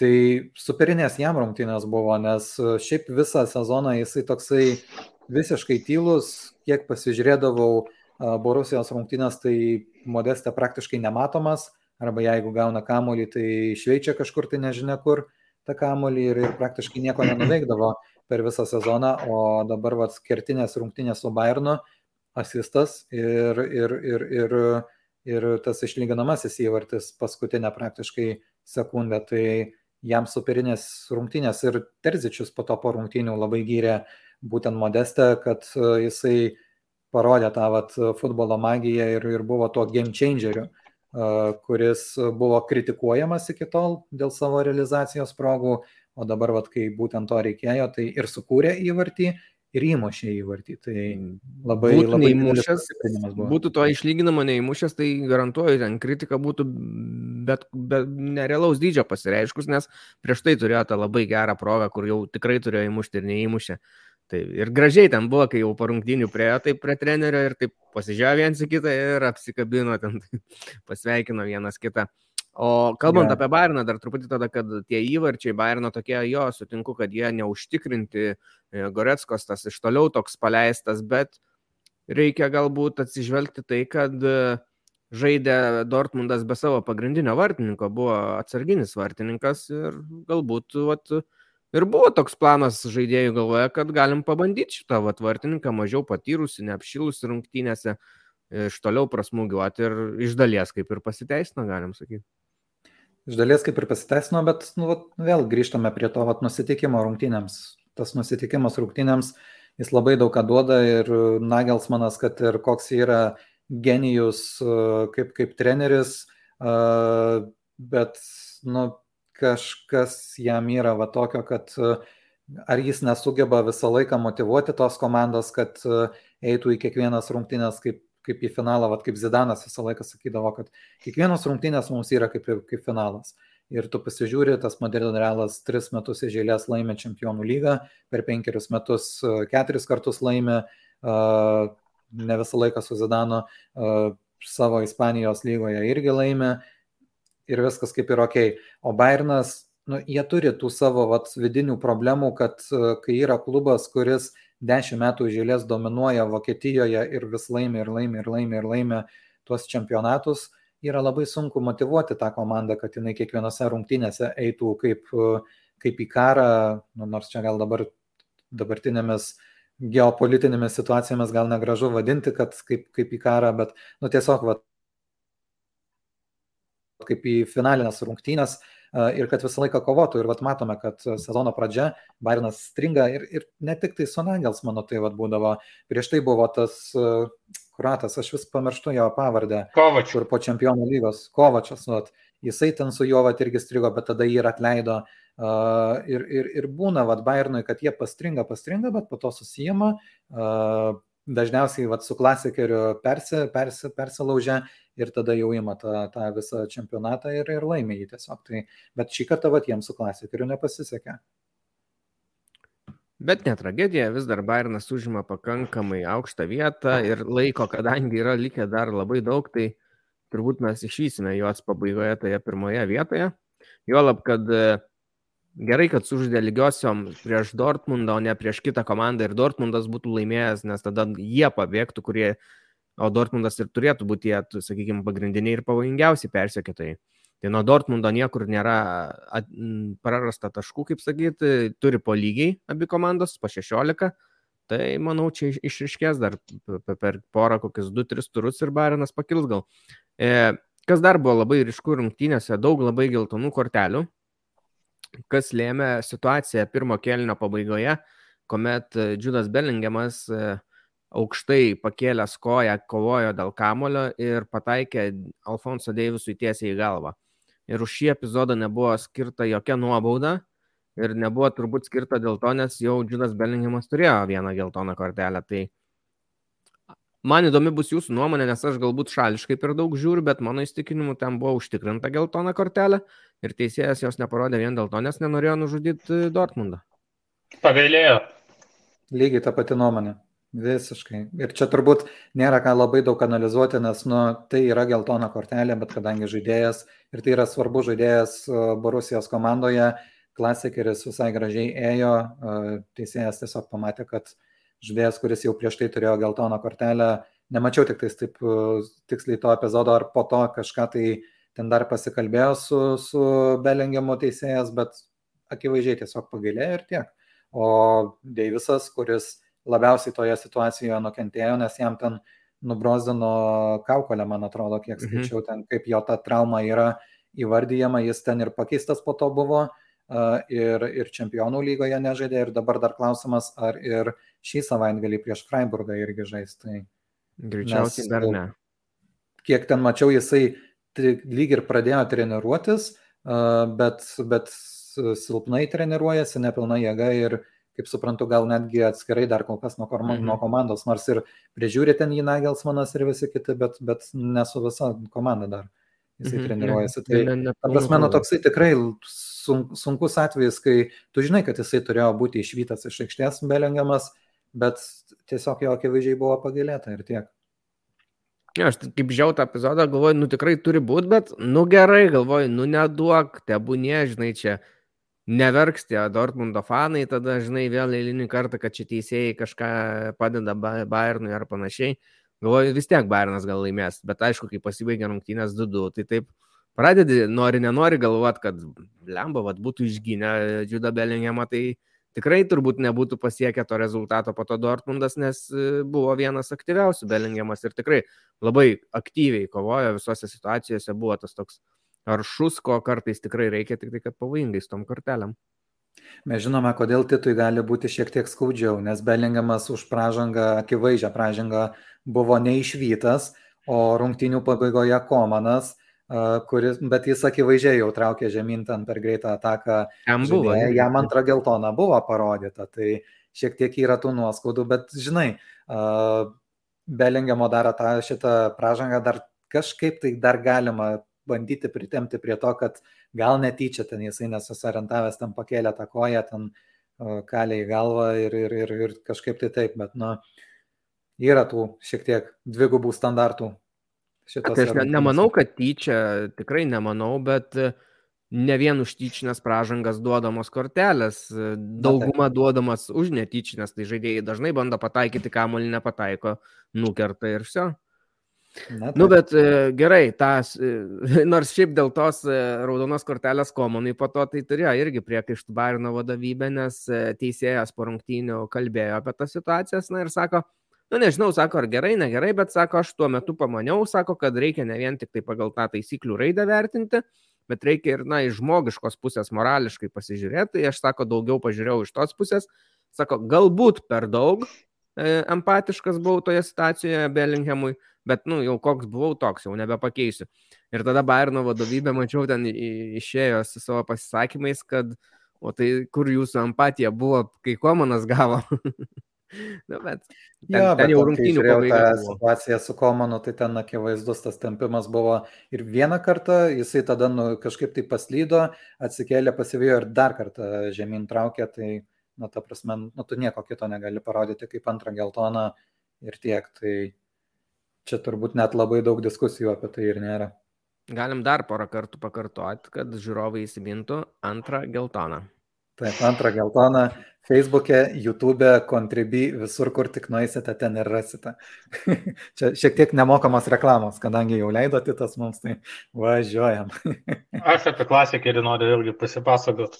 Varyk. Kaip, kaip praėjo tavo diena, ne? Papasakok ir parodyk apie Bayerną ir Borusiją.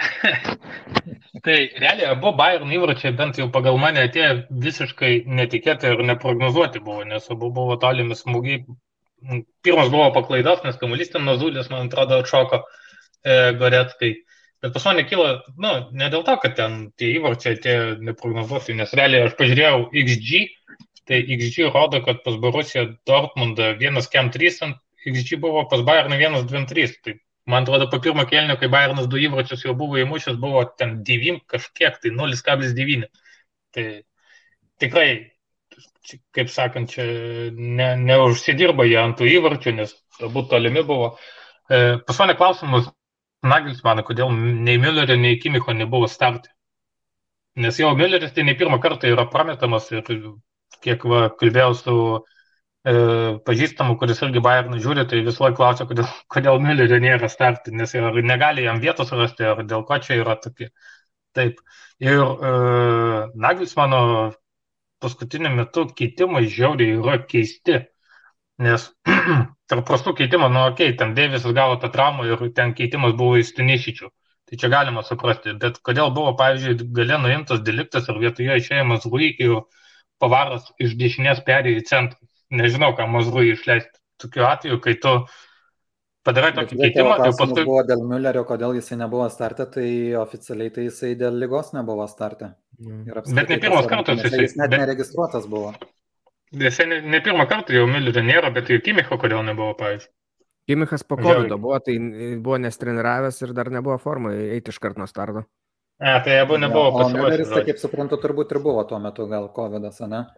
Mülleris, aš nežinau, man rodos, kad tiesiog kažkoks buvo sirguliavimas tuo metu, bet ten tikrai neturėjo būti kažkokios problemos, nes jisai dar per porungtinių metęs nuotrauką, ten šipsojas, viskas normaliai, tai neturėtų būti kažkokių konfliktų tikrai.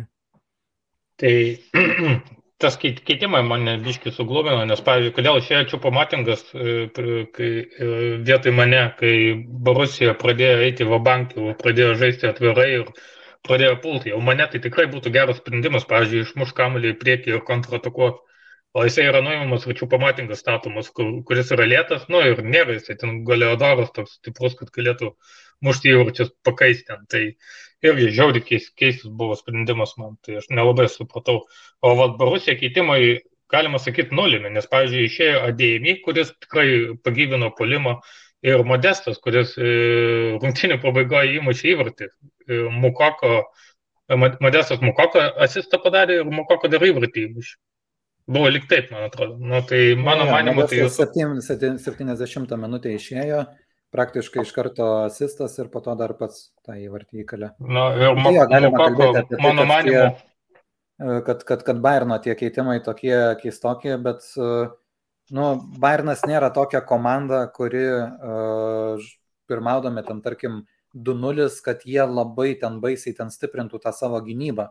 O dabar kaip ir čempionų lygos rungtynės jų žiūrėjau, tai jie turi tą persvarą, jie ne tai, kad jie stiprina gynybą, jie leidžia jaunus žaidėjus dažniausiai. Leidžia jaunesnius žaidėjus, kad jie galėtų apsišaudyti, įgauti daugiau patirties, nes vis tiek rungtynės tokios atrodo jau link, link pabaigos einančios ir, ir jie gali savo tai leisti.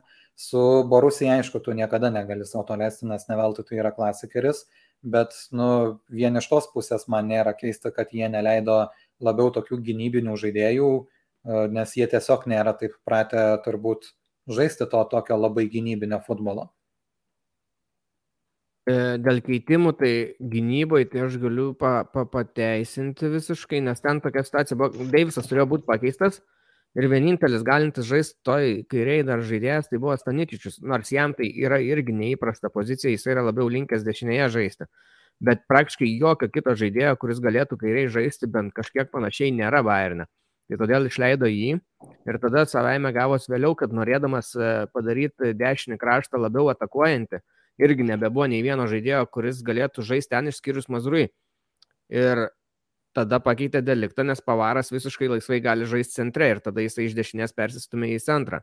Tai čia, man atrodo, viskas normaliai. Dėl čiopų motingo, nu, čia jau klausimas, kas buvo. Nežinau, galbūt norėjo žaisti aukštesniais kamoliais, kovoti ten su galva, kad muštų ar kažką. Galbūt toks planas buvo, bet čia jau neįlysiu galvą, nei vienas, tai ne, ne, negaliu pasakyti, kodėl taip. Nu, dėl, dėl Mazrui, tai aš, nu, oi, ne dėl Mazrui, dėl Stanišičiaus ir Dėviso situacijos, nu, čia nieko nepadarysi, čia yra normalu reaguoti ir keisti žaidėją, kuris, nu, negali toliau tęsti rungtynį, bet tai delikto nuėmimas, tai man tai čia, nežinau, nu, okei, okay, tu nuėmė deliktą, apkeiti vietom, pavardą pastatai vietą, žmogus gali žaisti centre, bet mes žinom, koks pavardas yra žiauriai, nežinau, stabilus gynėjas, nu, tikrai ne rungtynės su BVB taip daryti. Ir tas antras įvartis Modesto buvo tada, kai jie tiesiog pametė jį, nes ten stovėjo prie, Stanišičius stovėjo prie jo, bet jisai jo net nedingė ir jisai žmogus į tušio kampo varto jau mušė ir sušaudino ir tai, nu, mano manimu, kad keitimai tikrai keistokie, ypač antras ir trečias su čiupamotingu jau mane nesuprantama. Jo, ta, tas įvartis Modestas tai toks Paliko visiškai vieną žmogų. Lemiamą akimirką ir niekas absoliučiai neuždengia, prie pat varto atsistojęs su galva įmuša. Nu, net leistina klaida. Na taip, bet pasitaiko tokių dalykų, ypač jeigu jau per arti vartų prisileidė šitiek daug atakuojančių žaidėjų, tai ko daugiau ir tikėtis, vis tiek kažkas tai lieka dažniausiai laisvas. E, Tarp kitko, Modestė yra turbūt vienas geriausiai galvą mušančių žaidėjų Bundeslygoje, nes praėjusiam sezonais vos ne didž, didžiulę dalį savo įvarčių sumušė galvą, ten nežinau, nuo 9 iki 12 turbūt buvo vien galva sumušti įvarčiai.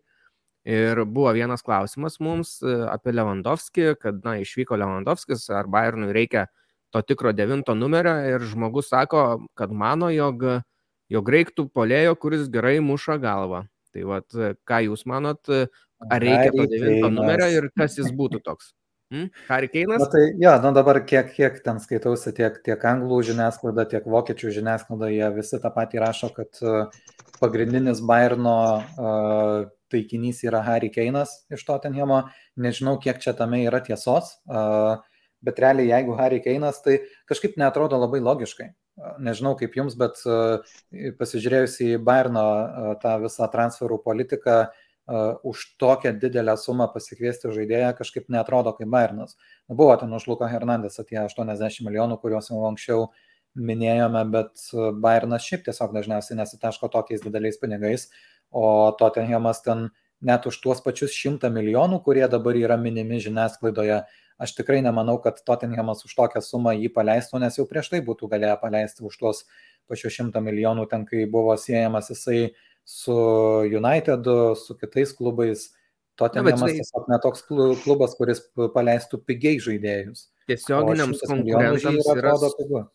tiesioginiam konkurentams sunkiau ir skaudžiau paleisti, nes jisai pato tau, tau muš tos įvarčius į Bayerną išleidus, netaip sudėtinga. Bet dabar klausimas, kiek jisai turi sutarties, aš galvoju, Harkeinas.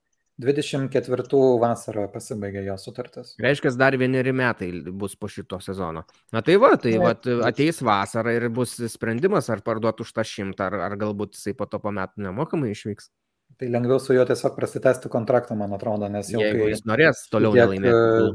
Bet šitiek metų jisai jau prabuvęs tame Tottenhame ir visą laiką, kad ir kiek tam būna tų kalbų apie tai, kad jisai uh, pereis į kitą klubą, bet galiausiai jis tiesiog prasitęsia tą kontraktą. Plus, kad Tottenhame yra Conte treneris, kuris ten yra tikrai didelis autoritetas, turi visai neblogą iš tikrųjų sudėtį, kuri yra top 4 realiai sudėtis Anglijoje, tai, tai ten yra visai konkurencinga tokia komanda. Bet šiaip kalbant apie Barną, ar jiems reikia to devinto numerio, tai aš galvoju, kad jiems jo reikia. Ir tikrai nemanau, kad tas pats Sadijo mane ir buvo perkamas tam, kad jisai būtų tas vat, devintas numeris.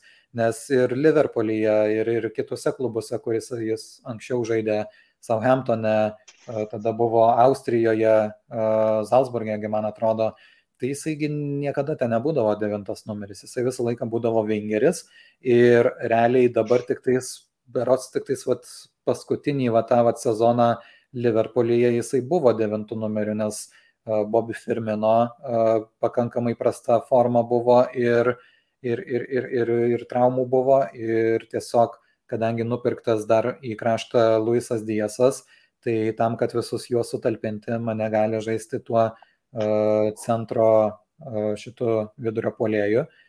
Toks būdavo renkamasis variantas, bet jis nėra vidurio polėjas. Ir, ir ta prasme, kiek, kiek be pažiūrėtum Bayerno rungtynių, mane jisai nėra va, tas va, tikras polėjas, kuris visą laiką būtų šalia vartų, visą laiką būtų va, net ne toje baudos aikštelėje, bet vartininko toje aikštelėje, jisai migruoja visur. Labai va, galima palyginti su Gabrieliu Jesusu arsenale, tik tais, kad turbūt, kad ne ne mane lyginti su Jesusu, bet Jesusą lyginti su, su mane. Jie visą laiką juda per pozicijas. Dabar, va, pavyzdžiui, prieš Pilzeną, kai žaidė Bayernas, tai jisai turbūt visose puolimo pozicijose sugebėjo pažaisti.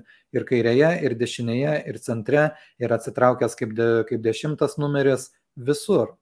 Mhm. Ir va toks va yra jo braižas, jisai juda po visą aikštelę, bet jiems reikėtų turbūt va tokio va žaidėjo, kaip buvo anksčiau uh, Lewandowskis, kaip anksčiau turėdavo Marijo Giotse, kaip turėdavo Podolskis, man atrodo, buvo, uh, buvo, uh, buvo kitų vat, polėjų. Jie, Bairnas visą laiką turėdavo stipriai išreikštą devintą numerį, kuris, kuris pas juos štampuodavo tos įvarčius. Ir jiems visą laiką ta taktika eidavo. Ir kažkaip tai galvoju, kad jeigu jie va, turėtų va, aukštos klasės va, tokį va, polėją, nu, jis tikrai jiems nepamaišytų. Lewandowskis kiek metų va, prabuvo Bayernė, grinai va, tokio va, tipo žaidėjas ir visą laiką viskas būdavo ok. Tai kodėlgi ne? Koks klausimas buvo? Klausimas buvo, ar dabar reikia Bayernui polėjo? Nu, nebūtinai šią akimirką, bet iš principo, žiūrint jų žaidimą dabar, ar reikėtų, ar nereikėtų ir ar jie turės galvoti apie tai. Šiaip pasižiūrėjęs dabar transfermarktą atidariau Bayerną pagal pozicijas. 1, 2, 3, 4, 5, 6, 7 traumus pas jūs hybridai eina savo labai daug. Labai, ir labai pažiūrėjau, jo, pažiūrėjau vingirių. Tai tarp vingirių galima sakyti yra Sanė, Mane, Gnabry, Komanas. Milleris yra atitrauktas polėjas, Matis Telis ir Čiūpo Motingas. Čiūpo Motingas tikrai nebus polėjų ten startų niekaip. E, tai Bairnas e, vasarą nusipirko Matėsi Telį, jisai yra centro polėjas, metras 8-3 ūgis. žmogus kaip ir imtas tam, kad jisai ten žaistų. Tai yra variantas jį ir naudoti, Nagelsmaną, ir nesiparint. Nu, ta prasme, jį naudoti tol, kol jisai pripras ir, ir sugebės mušti daug įvarčių. Aišku, gal tiek daug nemuš kaip Lewandowskis, bet vis tiek. O kitas variantas pas mane yra, o kam tau Keinas, jeigu tu turi Tomasą Müllerį, vieną, vieną įdomiausių ir stipriausių gal Vokietijos atakuojančių žaidėjų, gal iš vis futbolo istorijai. Po žmogų Bayernė, aš atsimenu, kad jisai e, kilintais metais buvo Brazilijos čempas. 14, ne? 14. Nu, jisai 14 metais. Taip, jisai, jisai tapo rezultatyviausiai, žaidė tikrai palimas smaigalys. Jisai ten irgi kažkaip buvo. E, Europ, jo, gali būti ir 10 metais ir šiaip, aš įsijungiau jo statistiką uh, Bayernė. Tai jisai, jisai antram sezone, 2009-2010 metais jau sužaidė už Bayerną pen dvi rungtynės, įmušė 19 įvarčių. Ir pas jį kas sezoną eina 19, 19, 11, 23 įvartį, 26, 21, 32 pikas 15 metais. Paskui pradėjo mažėti, turbūt jau pradėjo Pepas įkišti atgal, tai buvo 9, 15, 9, paskutiniai keturi sezonai, 14, 15, 13 įvarčių. Žmogus net nežaidžia šitą straikerių grinų kaip Lewandowskis. Jisai komandas Lewandowskis būdamas įmuždavo 15 įvarčių. Tai jeigu įvyko... Statytus... Mes kalbame apie žaidėją, kuriam dabar jau yra 33 metai, Jisai pas jį dabar paskutiniu metu vis tiek būna tokių ir mikrotraumelių, ir šiek tiek rimtesnių traumų. Tikrai, prasme, tikrai tai ne problema. Tai nėra geležinis žmogus ir tai nėra tas žmogus, kuris užais absoliučiai visą sezoną.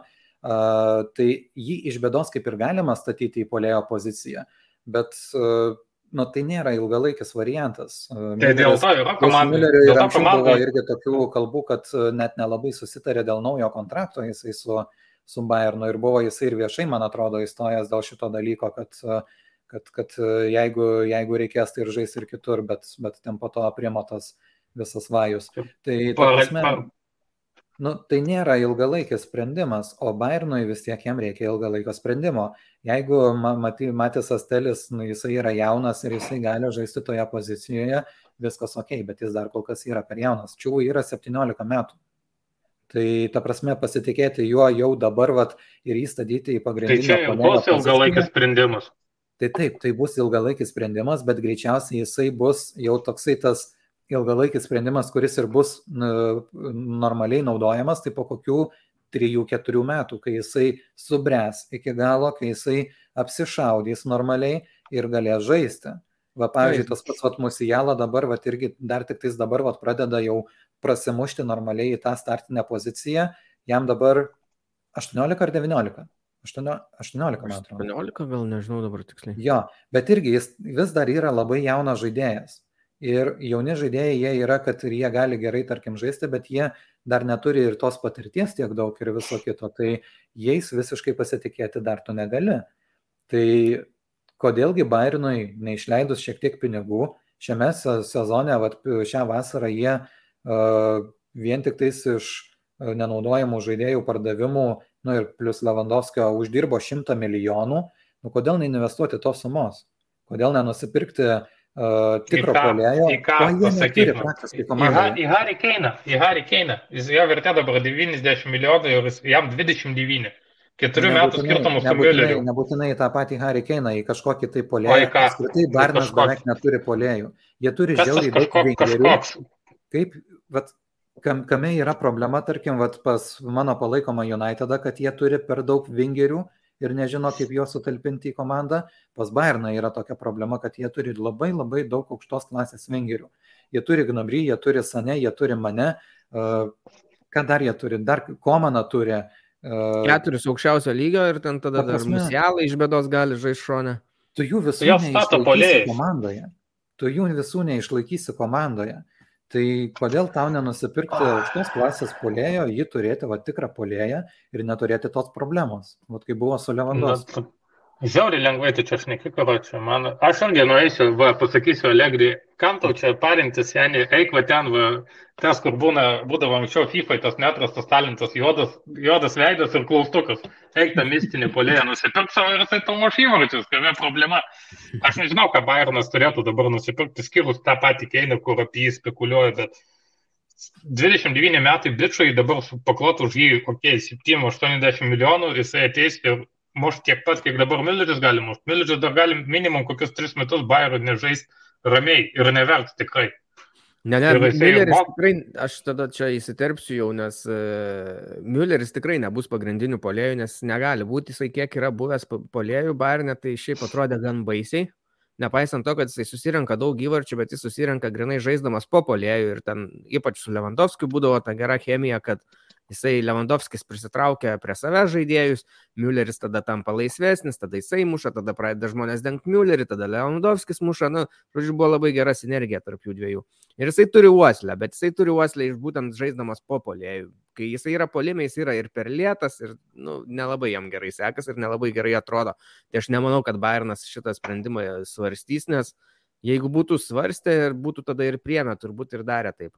O Telis tada, aš manau, kad turėtų galbūt jau po sezono atsisakyti čiopų motingo, tada Telis gaus dar daugiau laiko užimdamas jo tą vietą atsarginio polėjo, sakykime, ir dabar jisai kartais išeinam pabaigų pažaisti. E, o dėl to devinto numerio aš galvoju, kad galbūt bus galutinai apsispręsta po šio sezono, nes matysis, matysim, kaip Barnas baigs, galbūt bus labai sėkmingas sezonas, nepaisant tos sunkios pradžios. Jeigu bus gera pabaiga, reiškia, per tą laiką komanda ir treneris bus susižaidę kažkiek, galbūt bus laimėta čempionų lyga, galbūt bus patekta į pusfinalį, kas irgi jau yra pakankamai gerai. Ir tada matys, kad galima galbūt ir toliau žaisti taip, kaip yra dabar žaidžiamas tais keturiais vingeriais. Tas pats mane, kuris dabar de devinto numerio pozicijoje žaidžia, tai kiek jis ten, man atrodo, keturis įvarčius turi Bundeslygoje, jeigu neklystu bet aš kažkur tai vat, neseniai skaičiau statistiką, kad pasiten gal kokie šeši ar devyni net neįskaityti įvarčiai yra, kur, kur jisai taip, juos taip. įmušė, bet nu, ten ar varas. Nu, nuošalė ranka, taip, taip. Jo, tai ta prasme, kad jisai tų progų jisai taip ar taip gauna, jisai jas išnaudos galiausiai, nes nu, mes puikiai žinome, kokio lygio tai yra žaidėjas, nu, bet tiesiog jis nėra devintas numeris tikras, jis yra labiau vingeris. Uh, Ir kad ir kiek imtume ten, lygintume ten, tarkim, su kokiu Mansičiu, kurie ilgą laiką buvo be, be, be tikro ten devinto numerio, po to, vat, irgi kai šitas kūnas Agiuero išėjo, tai, bet vis tiek, ką jie galiausiai padarė, jie paėmė, nusipirko Erlingą Halandą, kuris dabar dar daugiau tų įvarčių štampuoja. Tai turėti tikrą polėją, aukštos klasės polėją komandoje visą laiką yra geras variantas. Pražiopsojo Barnas Holandą, nes bandė ten su juo flirtuoti, bet kažkaip labai neužtikrintai. Na. Gerai, turbūt gal baigiam tada apie e, Der Klasikerį ir apie Bayerno polėjų problemas. Galim trumpai tada aš tiesiog gal susakysiu situaciją ir rezultatus čempionų lygoje, nes ten aptart atskirai kažkokių rungtynių gal ir nelabai beturim laiko. Tai Bayeris, kaip minėjom, pralaimėjo 0-3 e, Porto ir dabar jie yra paskutinėje grupėje tik su trim taškais, antrąją vietą turi šešis, pirma dešimt, tai jau pirma tikrai nebepavėjama jiems, antroji, grupiai, antroji vietoj tai esanti Porto, o trečioji yra Madrido atletiko, tai aš sakyčiau, na, Bayeris turbūt neturi jokių šansų dabar jau. Juolab, kad jiems dar reiks sužaisti prieš atletiko ir dar reiks sužaisti prieš Briugę, kurie yra tos grupės lyderiai. Tai galės koncentruotis į savo pakilimą e, Bundeslygoje E, Bayernas žaidė prieš Pilzeną, sužaidė 2-4. Daug žaidėjų pagrindinės sudėties pas Bayerną ne, ne, ne, negalėjo sužaisti gynyboje, kraštai būtų buvo visiškai atsarginiai, Mazrui ir Staničičius.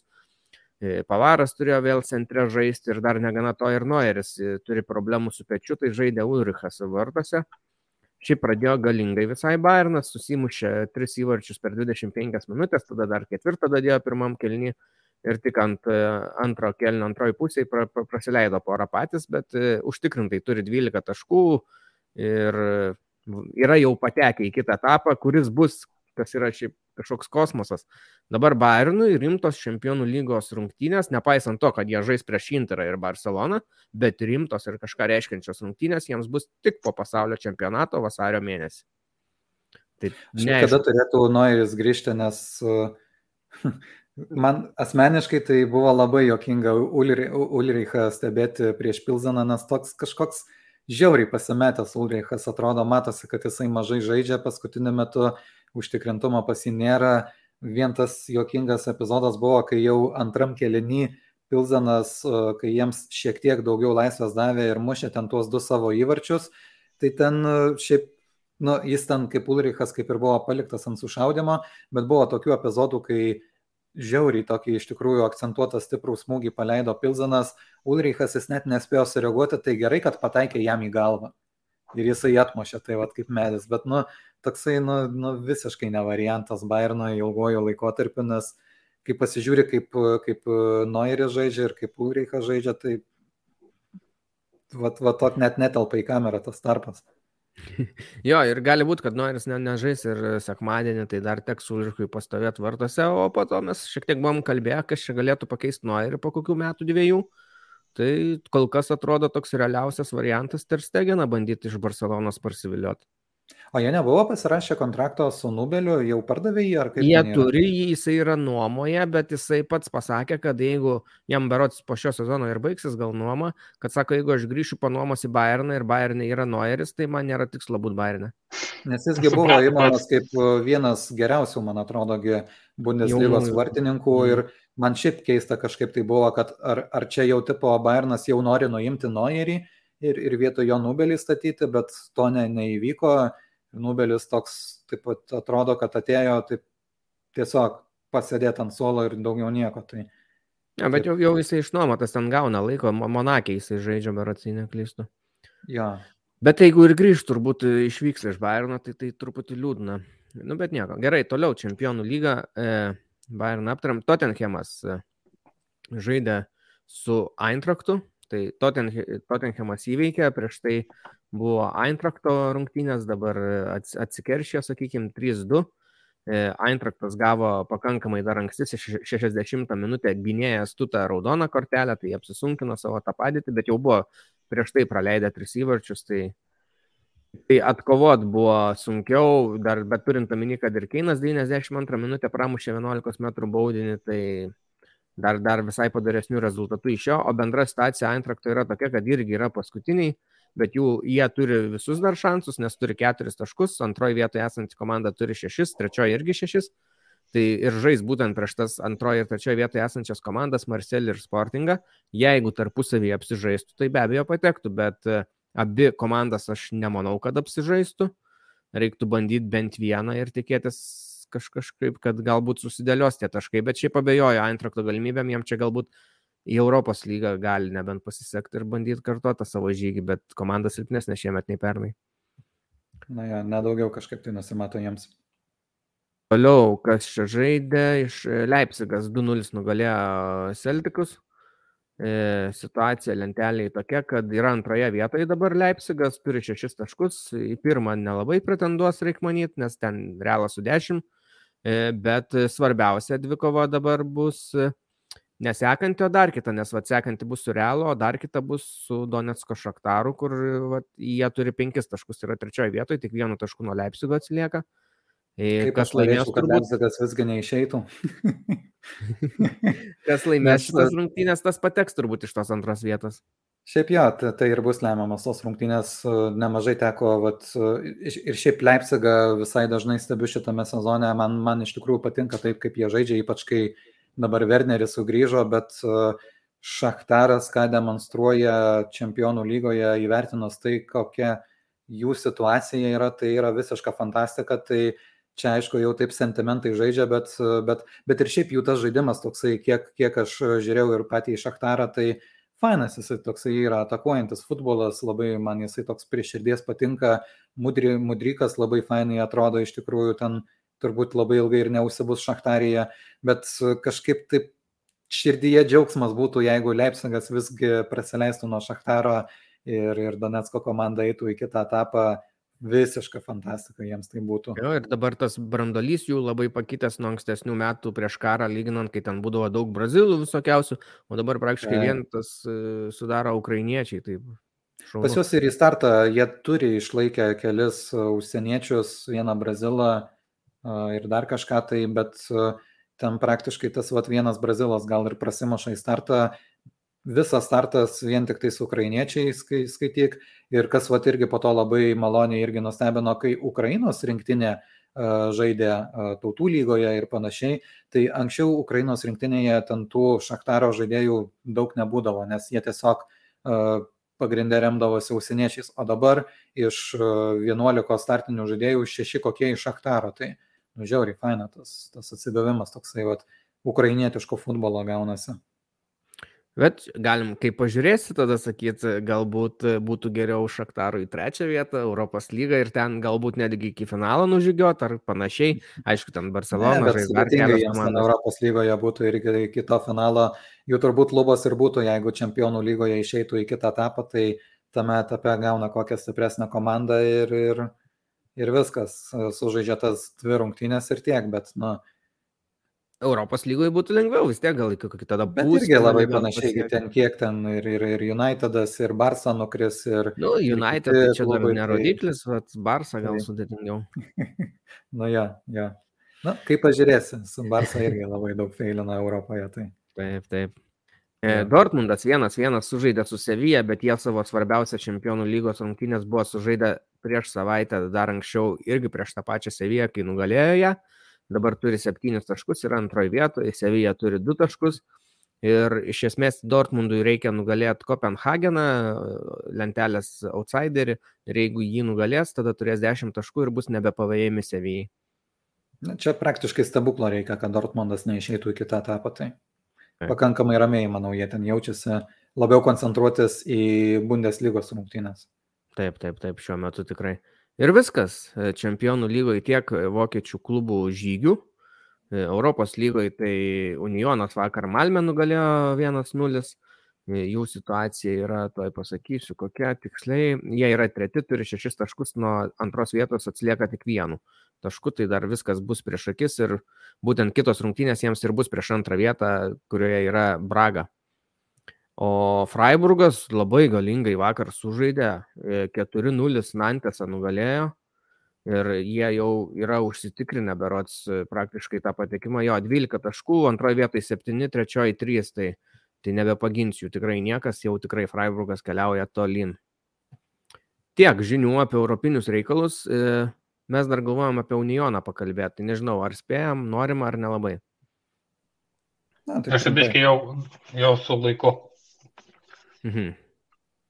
Tai gal aš dar uh, įdomų dalyką apie Unioną, visai nesnei skaičiau uh, tokį fun faktą, kad uh, sukėlė šiaip Uniono fanams labai daug pykčio, kad Viktoras Ur Or Or Orbanas. Orbanas, kaip jisai ten tarėsi, Vengrijos premjeras apsilankė Uniono stadione, labai taip, norėjo jis ten susitikti su uh, Šaferis ar Šeferis, man atrodo, yra Vengrijos kažkaip, uh, žaidėjas pas, pas Unioną žaidžia, tai su juo ten labai norėjo susitikti. Tai Unionas Šaferis. turėjo po to išsiginti viešoje erdvėje, pasakydami, kad oficialiai jie Orbano nepriėmė, nors ten su visa palyda policija suvažiavo, ten praktiškai kaip, kaip kokio prezidento atvykimas ten buvo pas juos. Uh, tai tik tais, kad vat, patenkino norą, kad susitiktų su tuo Vengrijos uh, rinktinės žaidėjų ir tiek. Tai taip. Jo, ten fotografavo su juos, su jo marškinėliais ten. Bet įdomi, o vis tiek Unionas yra tas toks darbininkų klubas iš rytų Berlyno, kur tokie vis tiek prosocialistiški, pro tokie šiek tiek gal net kartais rusiškumą kažkokį. Ir dabar prieš Malmę, kai žaidė jie ketvirtadienį, uh, tai buvo padarę choreo ten visokius tokius gražius, bet tai kas ten buvo? Buvo lėktuvas, kurio modelis yra Illusion 62, sovietinis modelis, e, ant kurio užrašyta Eastern Berlin, nu, okei, okay, rytų Berlyno, sakykime, klubas, bet tai kadangi žinai, kad tos ištakos lypi tam rytų Berlyne, kuris buvo, na, sovietų kontroliuojamas ir ta avia kompanija tos tais lėktuvais sovietinė buvo skraidino, nu, tai tokios, žinai, įdomios mintis tada. Nu, bet jų reikalas, sakykime. Jie, jie gyvena man, savo pusėje to ir nelabai gal suvokia tuos dalykus. Man, man, man labiau kyla klausimas, gal tu papasakosi, kiek esu girdėjęs, tai buvo taip, kad e, fanai Uniono kažkaip rinko pinigus, kad e, klubą atgaivintų ir buvo taip. Ar čia kažkoks tai išgalvotas faktas?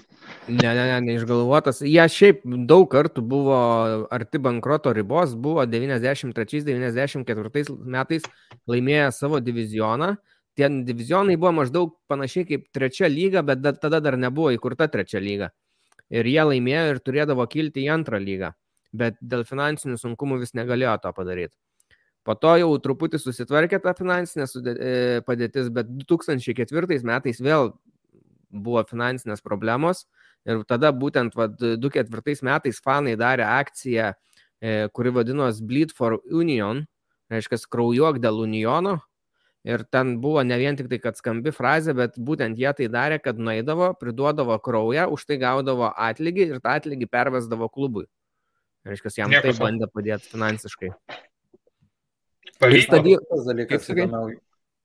Pavyko dabar. Pavyko, pavyko.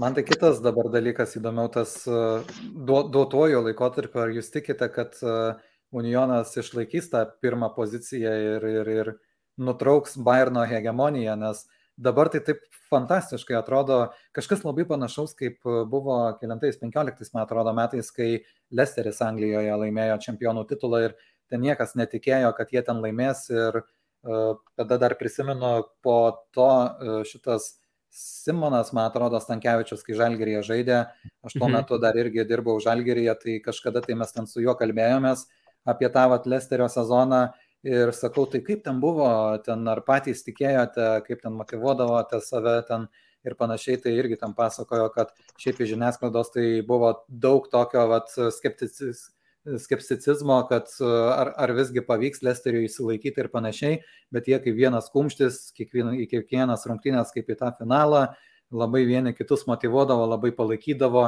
ir ten, kai galiausiai jie uh, iškovojo tą titulą, tai prasprogo ten tiesiog viskas absoliučiai ir visa ir pasaulio žiniasklaida ir jie ten pas savo klubo viduje, tai, nu, vaikinas taip gražiai iš tikrųjų tą viską prisiminė. Tai vad klausimas, ar Unijonui pavyks kažką tai va tokio vat pakartoti ir, uh, ir, ir, ir, ir prieš Bairną uh, pakonkuruoti šitaip. Šiaip paskutinį kartą taip nutiko 98 metais, kai Kaisras Lautrinas laimėjo antrą Bundeslygą, pakilo ir laimėjo iškart pirmą Bundeslygą, ten dar Balakas žaidė tuo metu. Podolskis gal dar buvo netgi, ne? Nu, eik tu, ne, Podolskis, Podolskis ten tikrai nebuvo, bet buvo Balakas jaunas. Ne, Unionas tai, tai ne iš karto dabar jie jau trečią sezoną žaidžia Barots Bundeslygoje, bet, bet šiaip iš principo tai jo klubas, kuris yra, na, neturtingas, šiaip pats mažiausias stadionas Bundeslygoje yra būtent Uniono Berlyno klubo. Ir jie tą, tą save pozicionuoja kaip darbininkų, kaip liaudės klubą. Tai būtų labai įspūdinga, bet aš nemanau, kad tai bus ir galim čia gal ir perėti prie artėjančio turo, va šį savaitgalį, nes Unionas va, žais labai svarbias rungtynės prieš būtent Dortmundo Borusiją. Tai vad būtent tie pavojingiausios dvi komandos e, Bayernui, sakykime, tos, kur dabar kovoja dėl titulo, kažkuri iš jų tikrai praras taškus, o galbūt ir abi dvi. Tai ir, ir tada, sakau, po, per porą savaičių turbūt išsigrynins tas Bayerno vėl grįžimas į pirmą vietą. E, šiandien žaidžia, e, tu, tu, tu, tu, žaidžia šiandien, toj pasakysiu kas. O šiandien gal niekas nežaidžia, ne? penktadienį, aš dabar galvoju, ar nebus toks penktadienis, kai niekas nežaidžia. Ne, žaidžia vis dėlto Šalkė su Hoffenheimu. Tai tokios gal mažiau įdomios penktadienį rungtynės, bet e, turėtų būti, aš įsivaizduoju, atakuojantis futbolas iš abiejų komandų ir įvarčių gali, gali pakristi nemažai. Tada šeštadienį Eintraktas su Bayeriu visai įdomu bus va, toks rimtesnis iššūkis Čabė Lonzo, kaip sukovos, tada Štutgartas prieš Bochumą kaip be trenerio pažais. E, Wolfsburgas prieš Gladbachą, Leipzigas prieš Hertą turėtų, aš tikiuosi, susitvarkyti, o sekmadienis tai superinis, kaip minėjau, Unionas prieš Dortmundą ir kitos dvi komandos tai yra Bayernas su Freiburgu žais tarpusavyje. Tai čia top 4 dabar esančios komandos žais tarpusavyje. Tai labai geras. Per savaitgalį. Gaila, kad daug kas paaiškėti, manau, šitame būtent savaitgalyje. Gaila, kad e, stadionas bus atidaromas Lietuvoje, Kaune tuo metu ir vyks rungtynės, tai kažką gal netiesiogiai jau teks pažiūrėti, nes planuoju vykti, e, bet, bet šiaip po to atsisukti tikrai turbūt vertėtų. Svarbu rezultatą nežinot. Taip. sunku, šitais laikais labai sunku, labai. Gerai, mes, mes tai, tai turim tokią mažą tradiciją pas save podcast'e e, vieną simbolinį eurą visgi statyti už tai, kad ar, ar laimės, ar nelaimės. Tai aš nepaleidžiu to unijono, ar statytumėte už jį tą vieną eurą, net nežinia, ten, kiek ten už tai laimėtumėte, turbūt nieko, bet visgi ar, ar, ar, ar verta to, vat, ar, ar galima to laukti. Nu, aš tada geriau gal už kokį Dortmundą tą eurą padėčiau, bet... bet, bet... Ne, ne, nemanau, kad Jonas tai ištems vis tiek tiek ilgai. Čempionatas. Sunku tikrai. Ba, su Bayernu jie ten žais dar 20 kažkelintam turė, gal ketvirtam ar septintam, tai ten, jeigu reikės dar pasispręs turbūt. Mm. Tai gerai, vyrukai, ačiū Jums, kad prisijungėt, smagiai pasikalbėjom apie visokius reikalus, išlipom truputį iš Bundeslygos e, to, sakykime, kampelio, truputį plačiau apžvelgiam, tai visai smagiau bus gal ir platesniam žiūrovų ratui. Ačiū Jums. Tikėkime. O klausytojai, prenumeruokit, laikinkit ir komentuokit. Sustiksim kitą savaitę. Iki. Iki. Ciao.